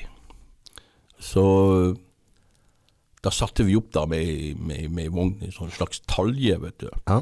Og så eh, selvfølgelig korporalene går ned der, dem som viser veien. Mm. Så skal ned i brønnen og, og plukke opp. like. Så da vi, sendte vi ned først en, eh, en eh, Han som var lettest, jeg husker ikke hvor han var, fra Laos eller han var et eller annet ja, Han letteste ble sendt ned, vet. Og det, han kom opp og spydde som en gris. og det, det var Ja, for det blir noe lukt av dette ja, det var, for, for de har vært der en fire-fem måneder nede i, nede i, nede i brønnen, vet du. Så, eh, så var min tur etterpå. Da hadde vi liksom tatt litt erfaring, vet du. Men her blir jo improvisering ut av tusen, vet du. Men, men mange år etter så flirer jeg jo. Og da fikk jeg på meg hjelm. Men for å få lys, så hadde jeg sånn, teipa vi noen sånne lamper på hjelmen min, så jeg så ut som en sånn ghostbuster. Ja, vet du, ja, husker det, vet du. Og gassmaske, vet du. Og der, så ble jeg heisa ned i brønnen, vet du, med den gamle gassmasken med sånn lite hull, sånn, femkronestykke du så ut gjennom. Og det var jo et helt annet sted enn de der jævla lysene, vet du, lyste opp, vet du, så jeg så jo ingenting, vet du, og reiste nedover der, vet du, og Fabla deg til lik. jeg bare fikk hala greier som var nedi der. Jeg prøvde jo ikke å identifisere hva det var for noe, men bare dumpa det inni der. Vi hadde en stor bøtte med med, med høl i for at det skulle renne ut vannet, Ah, ja, ja. hvor vi lasta inn, og det var jo bare grums og verre. Og så var det heisa rett opp, og da, da må jeg innrømme at det var en av de tingene som sier helvete, du driver med Faen, det er en orm, liksom. Jeg vet, altså, for lukter, altså noen lukter smaker du jo. Altså du kjenner det på tunga. Ja. Eh, bare sånn, bare, det var noen yngre dager når vi var på havet, og så, så det, var, det, var en, det var en vintersesong vi fikk fryktelig med sel. Eh, og selen gikk da i garna. Altså, mm. Hver, hver sel de vikler seg inn, så ødelegger garna. Og så fikk vi da erstatning av myndighetene per garn. da. Mm. Men det var ikke enighet hvor du skulle gjøre av de selkadavra, da, så den ble på en måte lagra på berg. På, på en, og så ble det liggende, så, så måtte du bare skjære av loffa på den, og så fikk du da liksom et nytt garn for to nye loffer og svømmere. Men i hvert fall så, så, så ble, var det, eller det var staten som betalte, så skulle vi i hvert fall dumpe dette, det skulle da ut på en bestemt dybde. Så da krøker det seg med, og da har du allerede skjelv, normalt sett når du heiser sel, så, så knyter du dem i loffa. Men den har vi tatt av i leddet, så vi har ikke knyttet, så bruker krok, og så krøker vi dette her. Nesten, ja, de har løgget der et par måneder, vet. Så fikk dette nede i lasterommet, så husker jeg det var tungsjø. Det er den eneste gangen jeg opplevde at jeg var sjøsjuk. For da var jeg som yngste mann, måtte stå ned i lasterommet og krøke så her da, ikke så det rant ut av Ja. alle mulige åpninger. Ja, ja. Og den lukta Ja. av det kadavergreiene der, og så hadde vi tungsjø, sånn fire-fem meter som jeg rulla. Da husker jeg hang liksom tur lastet og så heiv jeg til luft, og så ser jeg lenger ikke alle. Det, det, blir, Ja, det blir litt av det samme. Du, du smakte det, ikke sant? Det, det er noe med den kadaverlukta som er spesiell. Jeg hadde jo en gassmaske, men det Det, Det biter jo ikke. Nei, det, var, Nei, det går gjennom. Så det var litt av en opplevelse. Men hva, hva gjør dere etterpå da? Altså, Hever dere noe, noe, noe? Altså, hva gjør dere for å rense opp? For du har Ja. fortsatt en bakterieflora der som ikke er Ja. sunn å drikke. da. det er jo begrensa hva vi kan gjøre. Så eh, teorien var jo at vi tømte denne brønnen da for Slam? Ja, ja, for, å bli jurp. Ja, det er slam uansett i bildet. ja, ja. Og så bare sier vi til landsmennene at dere får vente en måned. Ja, that's it. Ja.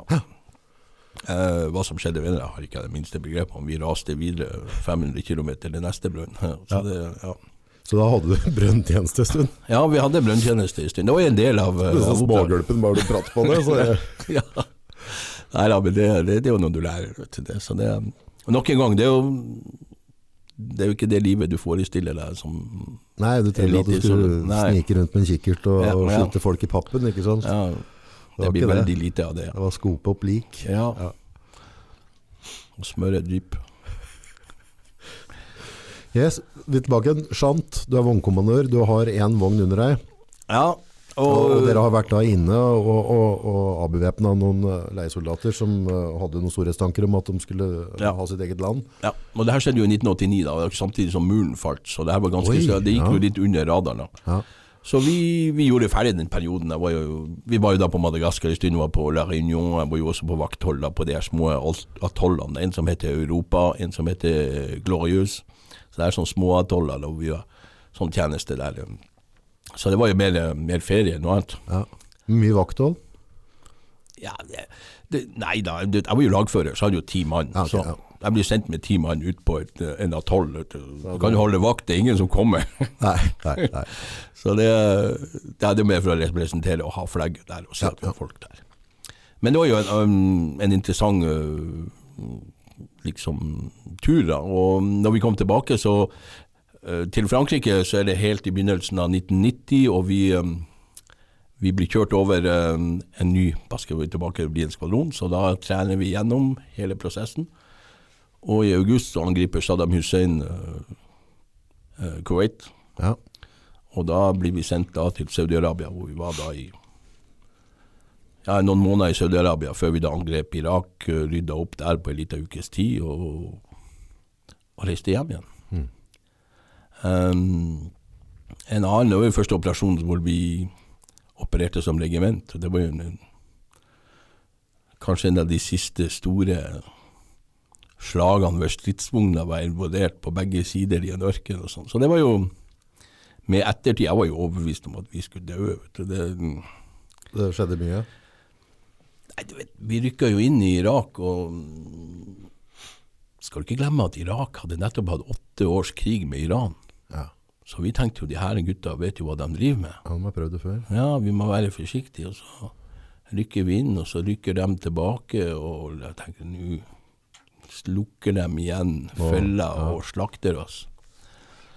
Og som jeg sa, jeg var jo vognkondør og sersjant, og det, det er jo den vogna som er fremst. Uh, og tradisjonen sier jo at uh, når sersjantens vogn eksploderer, så betyr det at vi har funnet fienden. Ja. Uh, så um, da, da må jeg innrømme at jeg var ikke helt overbevist om at det her skulle gå bra. jeg lurte på om vi ikke hadde holdt meg i Nord-Norge i stedet. Men eh, vi kom ut av det nå. Ja. Fikk litt mer kredibilitet, tilhørighet og status, som er leitmotivet. Ja.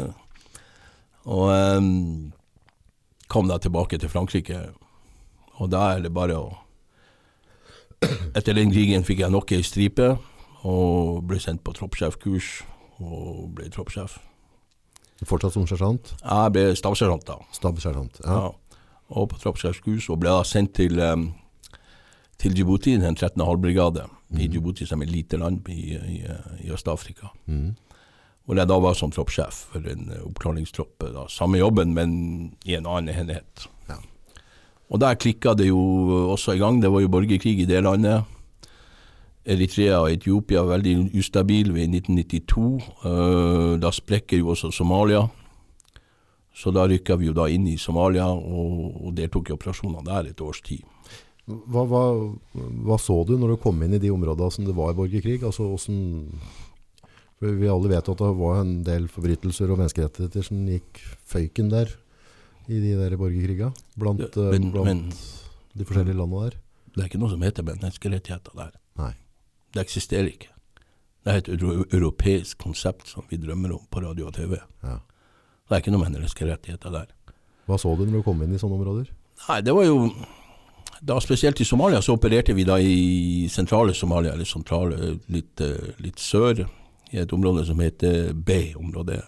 Hovedstaden heter Baidoa. Og eh, eh, min operasjonsområde var en 70 km vest for det, hvor vi hadde en, da en sektor vi skulle sette um, lov og orden i gang igjen. Mm. Og det er jo klart, når borgerkrigen vet du, det her, Somalia hadde jo vært et sosialistisk regime i over 30 år. Mm. Og når det, regimet kollapsa, så da hadde jo de i 30 år prøvd å bryte ned alle stammetilhørelsene. Mm. Ved å sende folk bort fra hvor de tilhørte. Det var jo deres metode. Så når systemet kollapsa, så flytta jo alle hjem, i gåseøynene. Ja. Og vi endte jo opp med enorme folkemengder hvor det ikke skulle være, hvor det ikke var mat. Så vi ble jo nødt til å, å da mer organisere flyktningleirer. Vi hadde en flyktningleir på ca. 40 000 mennesker. Som er da, 40 000 mennesker. ja, Det skal fôres av vann. ja, Der måtte det være mye sult. det er mye sult, og så var vi litt langt unna, så vi var ikke alltid prioriteten. Så det, det var hardt arbeid. Um, mye, mye, mye vanskelige erfaringer. Også i tillegg da den militære erfaringa med å opprette lov og orden. Vanskelige erfaringer, hva tenker du rundt det? Ja,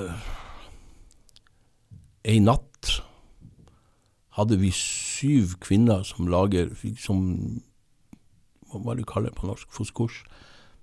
Spontanabort. Mm. Så, så da hadde vi plutselig syv mm, damer som holdt på å blø i hjel med, med to mine sanitetsmann som skal, som skal organisere det her og prøve å holde dem i live. Og, liksom, og så, ja, så må vi da tenke vi kunne, kan prøve å hjelpe dem. Vi ber om helikopter. De ville ikke komme. Natt, vanskelig å fly. Til slutt var det bare franskmenn som kom. Amerikanerne ville ikke, Russland var full. Så det var, det var to franske damer som kom med hvert sitt helikopter. og Helikopterfly, var tøffe damer. Og de fløy midt inn på natta, og vi fikk lasta de her stakkars kvinnfolkene ut, liksom. Når det har syv uh, spontanaborter og blødninger overalt, og uh, ja, det er, uh, det er nederst i livets, livets hav. Ja. Jeg tror det var en av de som, som Ja, jeg, jeg er merka av det. Ja. Ja. Ja. Mindre enn en krigen i seg sjøl. Ja. Eh, jeg er merka av, av, av det her folkets nød. Ja. De var helt da, da, da, er du så lavt som du overhodet kan komme. Så er det noe å, å vitne andres nød, og, og du er ehm, du har begrensa muligheter for å gjøre en forskjell. Altså, Ja. du, du er vitne til det, Mm. men du har ikke verktøy er rundt deg til å gjøre det. Ja. Det, det er, det Så det, det, var, det var en overraskelse. Ja. Og det gikk jo hele tida Altså. Så vi, eh, vi hadde seks-sju måneder i Somalia som var ganske Du måtte bevitne utrolig mye krigsforbrytelser fra, fra de forskjellige gerilja, altså Ja, insurgers, altså det, vi, vi, hadde en, vi hadde jo da en, en, en liten kommunikasjonskampanje hvor vi lar folk vite at hvis vi finner noen med våpen, så tar vi dem. Ja. Og det gjorde at det ble en del trefninger, men de har jo ikke det samme nivået. De har jo stakkars folk som har stjålet våpen fra hærens lager og skal lage krig. Vet du. Så det, de, de ble jo fort med igjen ned. Og, og det, vår oppgave var jo å få lov og orden tilbake i området. Ja. Og det fikk vi jo ganske raskt. Så det ble fort slutt på krigsforbrytelser. Fordi at um, nok en gang, vi har drevet med det her i 100 år. Ja. Så um, Jo, men, men de folka der nede, når de, når de var uenige, så det er macheter, det er barn, det er kvinner, altså, altså der får alle smake det. ja, der er det er ikke noen menneskerettigheter. Der er det helt forferdelig. Ja. Så det, det- må være jævlig å, å, å stå delvis inni det og på sidelinja Ja. og se det og bevitne det på en eller annen måte, eller komme i etterkant, komme to timer etterpå. Her har de flådd ned en hel Akkurat. landsby. Akkurat. Og det, det, det er veldig vanskelig, og så har du veldig begrensa midler. Det, det kan høres tåpelig ut etter eh, 30 år senere, men jeg hadde en sånn kalender fra FN. Ja. Sånn ukekalender, vet du. Ja, ja. Sånn FN-ting. Ja. Og den drev jeg da og forhandla, og så skrev jeg kontrakter, fredskontrakter mellom forskjellige klaner. På en slags norsk-engelsk-fransk, hvor alle skrev under. Og så fikk de sånn FN på toppen av sida. Det brukte vi som kontrakter for at de skulle ha fred imellom. Jeg håper noen av kontraktene mine står fortsatt. Du gjør det beste ut av situasjonen. Ja. Her er det et FN-merke, bruker kalender, dette Ja. er kontrakt. Ja, sånn agenda, jeg vet du hva det heter? Ja, ja. Så det, du, du gjør hva du kan for å få, da, få stabilitet tilbake i befolkninga.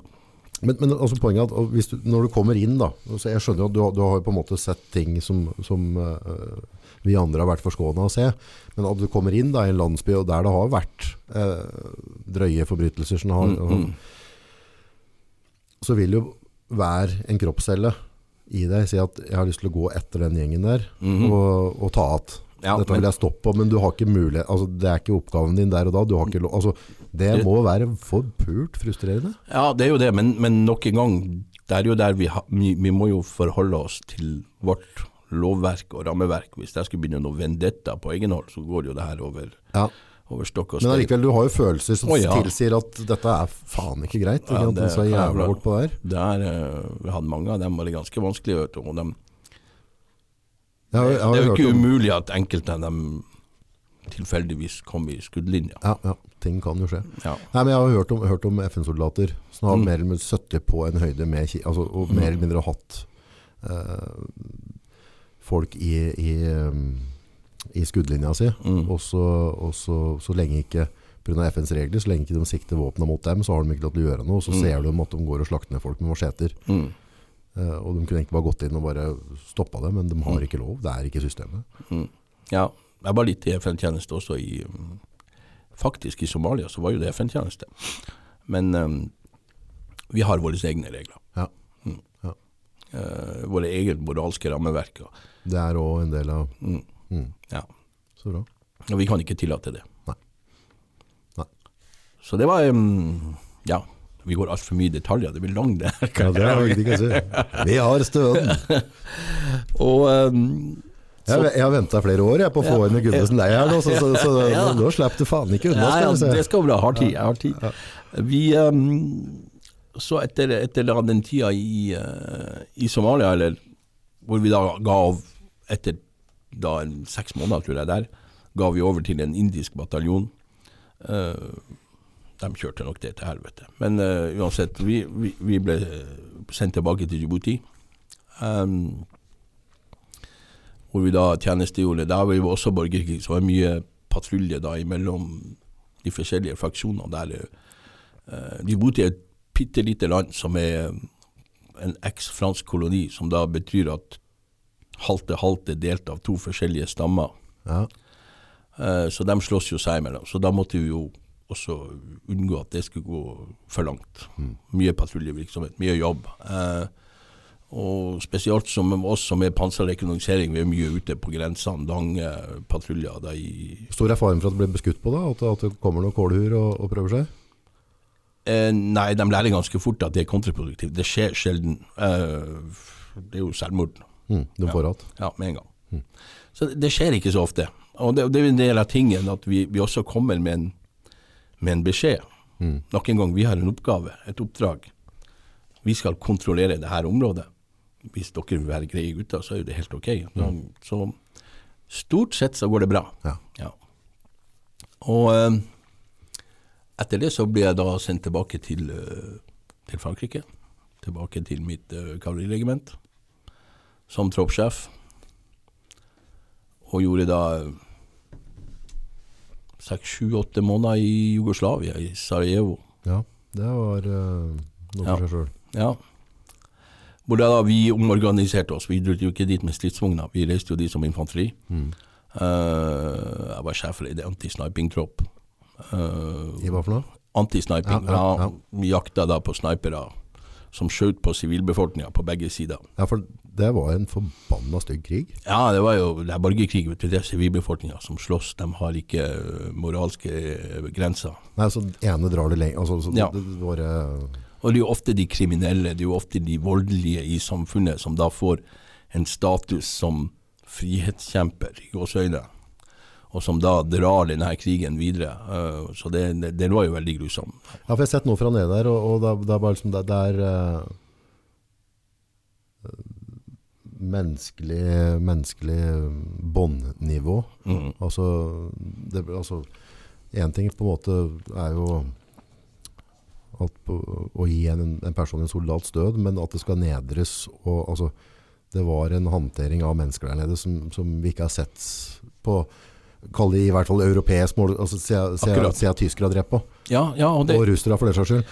og, og der kan jo se menneskesinnet i sin, sin verste side. For at Alle kan bli dritstygge. å ja, det tok bare noen uker i den krigen før de satte opp konsentrasjonsleirer. Og det er ikke én gruppe for å være bedre enn den andre.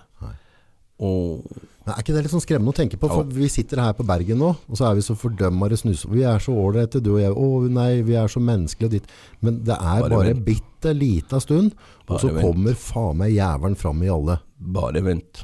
Ja. Ja, jeg, har sett det så mange ganger at um, det er ikke noe tvil. Det ligger i oss alle. Ja, ja. Hvis, hvis vi ikke er klare på det sjøl, Ja. at, at, at vi må passe på moralen vår. Mm. Eh, og det, det ser du også ut av sidestykket, men se Mm. på politikerne våre nå, som, som flår pensjonister på strøm og alt mulig. Moralen har flydd ut av vinduet. Mm. Altså, det blir menneskelig svin. ja. Det er jo noe har drevet med de siste årene, det er jo korrupsjon. Ja. Vi har jo en Korrupsjon i Norge er ikke tradisjonell, den har mutert inn til en ny format. Men vi kan ta det i en annen Ja, ja, podkast. ja. Ja, så den, den, den kommer igjen. Og, og den, den samfunnsstrukturen vi har, er, er veldig, veldig veldig dyrebar. For at uten den, så kommer volden frem.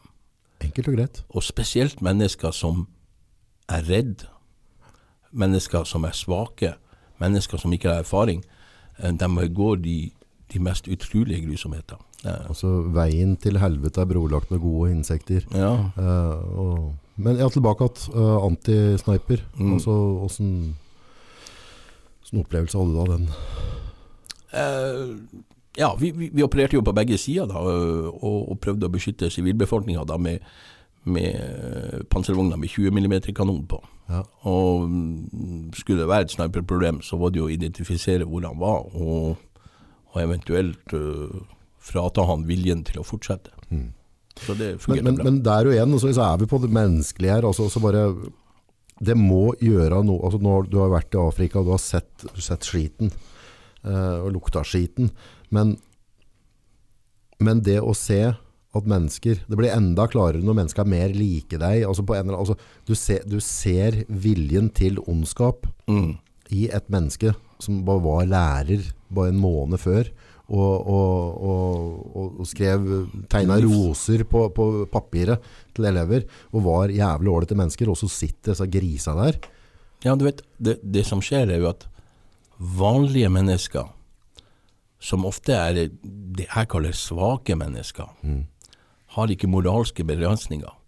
Og når de kommer i en sånn konfliktsituasjon, så kan de komme, komme i en situasjon hvor de får en makt som ikke er opparbeida over en lang tid gjennom trening. I system. Ja, et system med moralske begrensninger. Så får de plutselig makt, eller kapasiteten. Og det er utrolig hvor, hvor hevnsjuk og brutal disse svake menneskene kan være. Og Derfor det er veldig viktig det her samfunnet vi har, å, å holde det i sammen. For rakner det, så er jeg ikke på noen Nei. måte tror at det skal i ferd med å rakne. nei, Det er ikke noe konspirasjonsteori fra min side, men det er veldig viktig å ha det, for det, det sitter faktisk mye tynnere enn vi tror.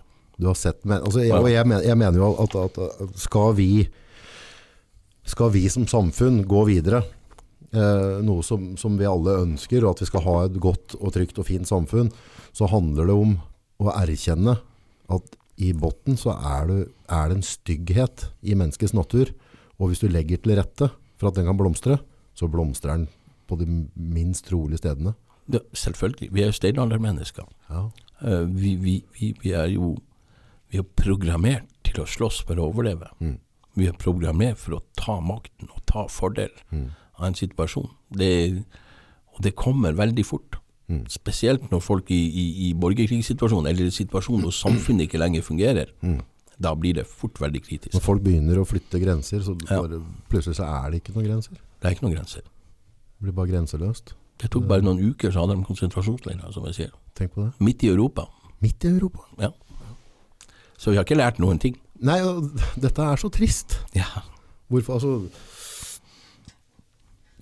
Nei, det, altså det, jeg, bare, jeg vet veldig lite om den konflikten der, men jeg bare vet at det var, eh, var et, et stygt, stygt kapittel i menneskets historie med tanke på etter hva vi har opplevd under første verdenskrig, andre verdenskrig, eh, så skulle en tro at det skulle være mulig å lære litt av historien. Vær så snill da, folkens. Ja, men det er bare ser hvor tynt det ligger.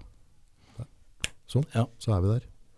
Og vi så jo det at, som de sier, lærere, eller folk som faktisk kjente hverandre fra før krigen, Torturerte dem til døde. Ikke sant? torturerte hverandre til døde og slåss og, og drap for, for ingenting. Men hva for en illusjon. Ja. Hva for et eller annet noen politikere har sagt. ja, ja. Eller religion, eller hva faen. Hva, hva, altså, Helt på jordet. totalt. Ja. Totalt. Det, ja. Nei, det, det, ja, nei, det, er, bare skremmende å, å, å, å se det. Eh, At, at, det er, at det ligger så tynt. Og det, det er jo det som på en måte Selv om det, det, er, det, kan ikke sammenlignes, men samtidig så, så ser jeg på en måte på mm, viljen til våre politikere til å tråkke på oss er helt klart tegn på at, at mye altså, det, det tråkkes på en helt annen måte, forstå meg rett, om det er strømpriser eller altså, hva det nå enn er. Men, men allerede der så har kompasset sklidd ut av baklomma. Så hadde vi gått to skritt tilbake igjen og følt litt med hjertet, og følt på en måte din frustrasjon på kroppen, altså Mm. hatt en litt kom, altså kommunikasjon, Mm. Uh, bare vært litt medmennesker, så er det flere de politikere i dag som hadde, hadde de hatt det moralske de har trekt seg. Og sagt Mm. at, ok, dette er et system, men dette systemet tar jeg faktisk ikke del i. Mm. Den ordren her følger jeg ikke. Dette er ikke greit. Sånn, sånn, sånn skal vi ikke ha det. Sånn, sånn, det var ikke derfor jeg ble flaska opp av forfedrene mine, for at vi skal ha det sånn. Jeg, jeg tror at um, hvis jeg ser på Norge som, som en utlending Mm. du vet, Jeg har jo vært hele mitt profesjonelle liv i, i utlandet, så jeg, jeg kommer jo til Norge og ser litt, har en litt annet perspektiv. Og jeg er ikke spesialist på sosialøkonomi eller eh, noe som helst. Det, det er, du har sett livet. ja, Ja. Og, og jeg har jo et inntrykk av at det er nok um, Vi bare kaster penger på et problem. Det er ingen som har ansvar for noe som helst. Og hvis ikke folk blir holdt ansvarlig, så sklir det ut. Ja, det, det- ser, det ser du bare den influensarunda vi har hatt nå, Ja, ja. Med, med, med, ledelsen. Altså, det skaper jo bare frykt og, og, og, og usikkerhet i folket, hele Mm. opplegget. Da. Altså, eh, du som har jobba med ledelse, for, altså, Mm. du, du vil jo altså, du skal ikke ha sånn egen der i klasserommet før du har mye å plukke på. Altså, med, Mm. med, altså, med, med trygg, god ledelse. Slutt å spre skremselspropaganda. Altså, Ikke det er noe spesielt med politikerne våre, men storparten av dem er jo vokst opp i et politisk system. De har aldri hatt en jobb. nei, Så, nei, nei, nei, nei, bare- det er trist. Vi sporer av. Ja, vi sporer, jo, men, men det, det handler jo om at vi skal lære av, av, av uh, altså, sånn sort og hvit, altså enorme kontraster her nå. Så, så klart det er jo å dra det ut av proporsjoner og snakke om Norge her nå, men, men poenget er jo altså menneskets vilje Mm, til å gå for langt. mm. Ja, det, men det, det sitter veldig tynt, som jeg sier. Jeg tror, folk skjønner ikke før de har stått i samme skyttergrava som deg. Ja, ja, Så jeg tror, ikke, jeg tror ikke de, det blir overraskelse. før de har vært nede i den brønnen og kjent på Mm. lukta, Mm. så tror jeg ikke at, at, at sånne som meg klarer å ta det innover seg og, Mm. og, og bare skjønne at Men som sagt, jeg er ikke redd for at Norge skal sprekke i Nei, morgen. det er ikke helt. Det er ikke helt. Det er ikke helt. Nei, jo, du var der nede, eh, og du hadde Hvor lenge var du der og, og jakta snipere? Seks-sju måneder. Eh, vanlig eh, rotation. Og så hadde jeg da vært troppssjef i to, to og et halvt år. Eh, tre år, kanskje. Og plutselig ble jeg beordra til uh, Fremmedlegionens etterretningstjeneste. Ja, Det um, god gamle Gestapo. Ja, gode gamle Gestapo, som det kalles. Um, Litt på sleng fra gutta sikkert. ja. jeg, jeg tror jeg må fortelle historie om det òg. Kjør. Når jeg var ferdig på rekruttskolen, så hadde jo selvfølgelig familien min laga kaos i Norge. Jeg var jo etterlyst overalt, for jeg mangla jo meg. Du var borte. ja. Han for på havet med sjarken, så jeg har jo ikke sett den igjen. Jeg ble helt borte, han der, vet du. Sporløst forsvunnet. så um, jeg ble plutselig kalt opp til da, sikkerhet og etterretningstjenesten. De er jo litt berykta og frykta, liksom. og uh, og er der på hovedkontoret, sånn egen bygning, sånn betongbunkeraktig greie, vet du. Dårlig masse, masse kameraer og greier, du kommer ikke inn. Altså. Det var en sersjant som skulle følge meg opp der, var jo meningen der. Han, Han liksom hilste jo på kameraet, liksom. Og, og, han bare la han være, og så stikker han av. Ingen som vil ha noe. Ja, Og dytta deg innafor døra, så stakk han. akkurat. Jeg tok posten. Så der ble jeg jo kjørt inn på et kontor der. Svært kontor. Vet du. Jeg husker det var sånn her typisk fransk militært kontor vet du, med sånn billig lenonium som blir polert hver dag i 50 år. vet du. og Alt skinner og sånn gamle plakater på veggen. der, fra sånn Plakater fra krigen i Algerie. Og så et enormt skrivebord der med sånn stor skrivemaskin, liksom. En liten, tynn jævel som satt og så på meg og seg sånn. Kikka på meg og begynte å kjefte meg på fransk. Og jeg skjønte jo ingenting, vet du. Så liksom, så liksom ja, kjefta fortsatt på fransk. Ja, du har lært fransk? da?» Jo, jo, du har lært fransk. Skjønner du? Ja, jeg skjønner. Hva du skjønner? Nei, så fikk jeg meg en rundt ørene. Liksom. Han fikk ikke gjennom beskjeden, han ville ikke snakke engelsk. Uh, så kom det til slutt en annen kar og liksom sier you call your mother. That's it. Det er bare å hilse, det er bare min, jeg er ute av der, vet du. Hadde fått min eh, den oppstiveren i hele Jeg ville at jeg skulle slutte å få beskjeder fra Interpol. Er han der? Er han Ja, der? Ja, ja. Hvor langt ute var du da? Hæ? Hvor langt var du inne i Det var etter, etter, etter seks måneder etter rekruttskolen. Altså, ja, ja, ja, ja, så jeg var helt ung legionær. Så jeg kom ut da, og da- må jeg innrømme at Ja, Derav fransken ikke var på plass? ja, ja, fransken ikke var på plass i det hele tatt. Nei, jeg var etter Kosovo. Jeg. Ja, ja, ja, ja, nei, men var, jeg skulle fortelle deg historien. Ja, Og så, så jeg hadde jo fått juling der og var liksom stramma opp og kom helt sånn forskremt ut. For det. Og da, og da etter, elleve år, da, så er jeg tilbake og hilser på generalen. Og liksom sier han ja, Støeng, det er bra kar, men jeg har behov for deg i etterretning og sikkerhet. Og, ja, ja, ok. Sist gang du var der, så hadde du bare fått kjeft. Ja. Ja. Tror du faen ikke jeg fikk samme kontoret. Nei! Jo. samme bilde. Bare altså. litt mer polert på Ja. bare. Så det var, eh, det, det, var, var det- ja. det var egentlig bare det der eh, standby-kontoret til etterretningstjenesten og sikkerhetstjenesten. Så det, men det, det var mitt første kontor. Ditt første kontor. Ringen var sluttet. Elleve år. Ja. Så der var jeg i, ja, i tre Litt over tre-fire tre, år. Var det stasjonært eller var du ute? Ja, eh, det, det kan jeg ikke fortelle så veldig mye om, eh, men vi har jo da en, en todels operasjon hvor vi da driver på en måte med, med den interne sikkerheten til legionen. Ja, altså dere imellom. Ja, dere imellom. Det som kan være problemer i legionen. Uh, og så utad har vi da en, da en tjeneste til den franske etterretningstjenesten, hvor vi bare lager små team da, som gjør oppdrag for dem innenfor de kompetansenivåene som vi har med våre språk, våre erfaring, våre erfaring fra land og sånn. Så ja, vi driver der. Um, nok om det. Eh, og det gjorde jo at jeg fikk masse kontakter innenfor den sivile verden, og jeg kunne gå av med pensjon etter 15 år og gå rett inn i en sivil jobb. Da starta sivilkarrieren, da. Akkurat. Så da var det bare rett på. Hva, hvor og hva var den første sivile? Ja, det, det er sånt som skjer, vet du. Jeg skulle For det, altså, siste dagen i Legion, når du tusla ut porten der på en måte, og var bestemt at nå, nå går jeg ut fra familien min. Ja, den, den er litt gradvis. Jeg har fortsatt ikke gått ut. Det har ikke gått ut ennå. Det- Det kom litt gradvis. Ja. Ja. Altså det òg var gradvis. Ja. Mm, nei, det, det, alt som skjer i verden er jo, er jo, er jo bare flaks og å være på rett tid og rett, rett tid og rett sted, liksom. Og sjefen på etterretningstjenesten kjente en kar som hadde behov for noen folk i Sør-Afrika, og så sa de Du kan vel snakke afrikansk, sa han til meg. Så, det kan jeg sikkert, jeg snakker nordlending. Så. Det var bra. Og det firmaet som skulle ha den strukturen der i, i Afrika, da var tilfeldigvis leda av en svenske, så han ansatte meg på stedet.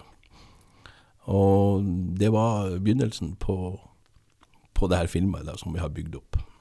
Så da, da du hoppa i et fly og Ja. kjørte sørover, Ja, ja. ja, ja. Jeg ble der i fire år. Ja. Hvordan bodde du, og hva var Nei, Det var et stort fransk industrielt firma som da skulle kjøre seg i gang eh, i, i Afrika. Hadde allerede en struktur, og vårt hovedkontor var i Johannesburg. Og vi, så jeg ble jo der eh, Nei da, fin villa, firmabil, og alt var bare bra. Og egentlig reiste rundt i hele Afrika og, og da laga mm, alle de sikkerhetsprosessene og alle de eh, forebyggende tiltakene som skulle gjøre at vi ikke blir utsatt for eh, afrikanske situasjoner. Så det er vel 54 land i Afrika, jeg tror jeg har vært i 47 av dem. Ja. Og um, det var jo veldig interessant. Og med det så sier vi fortsett det følger.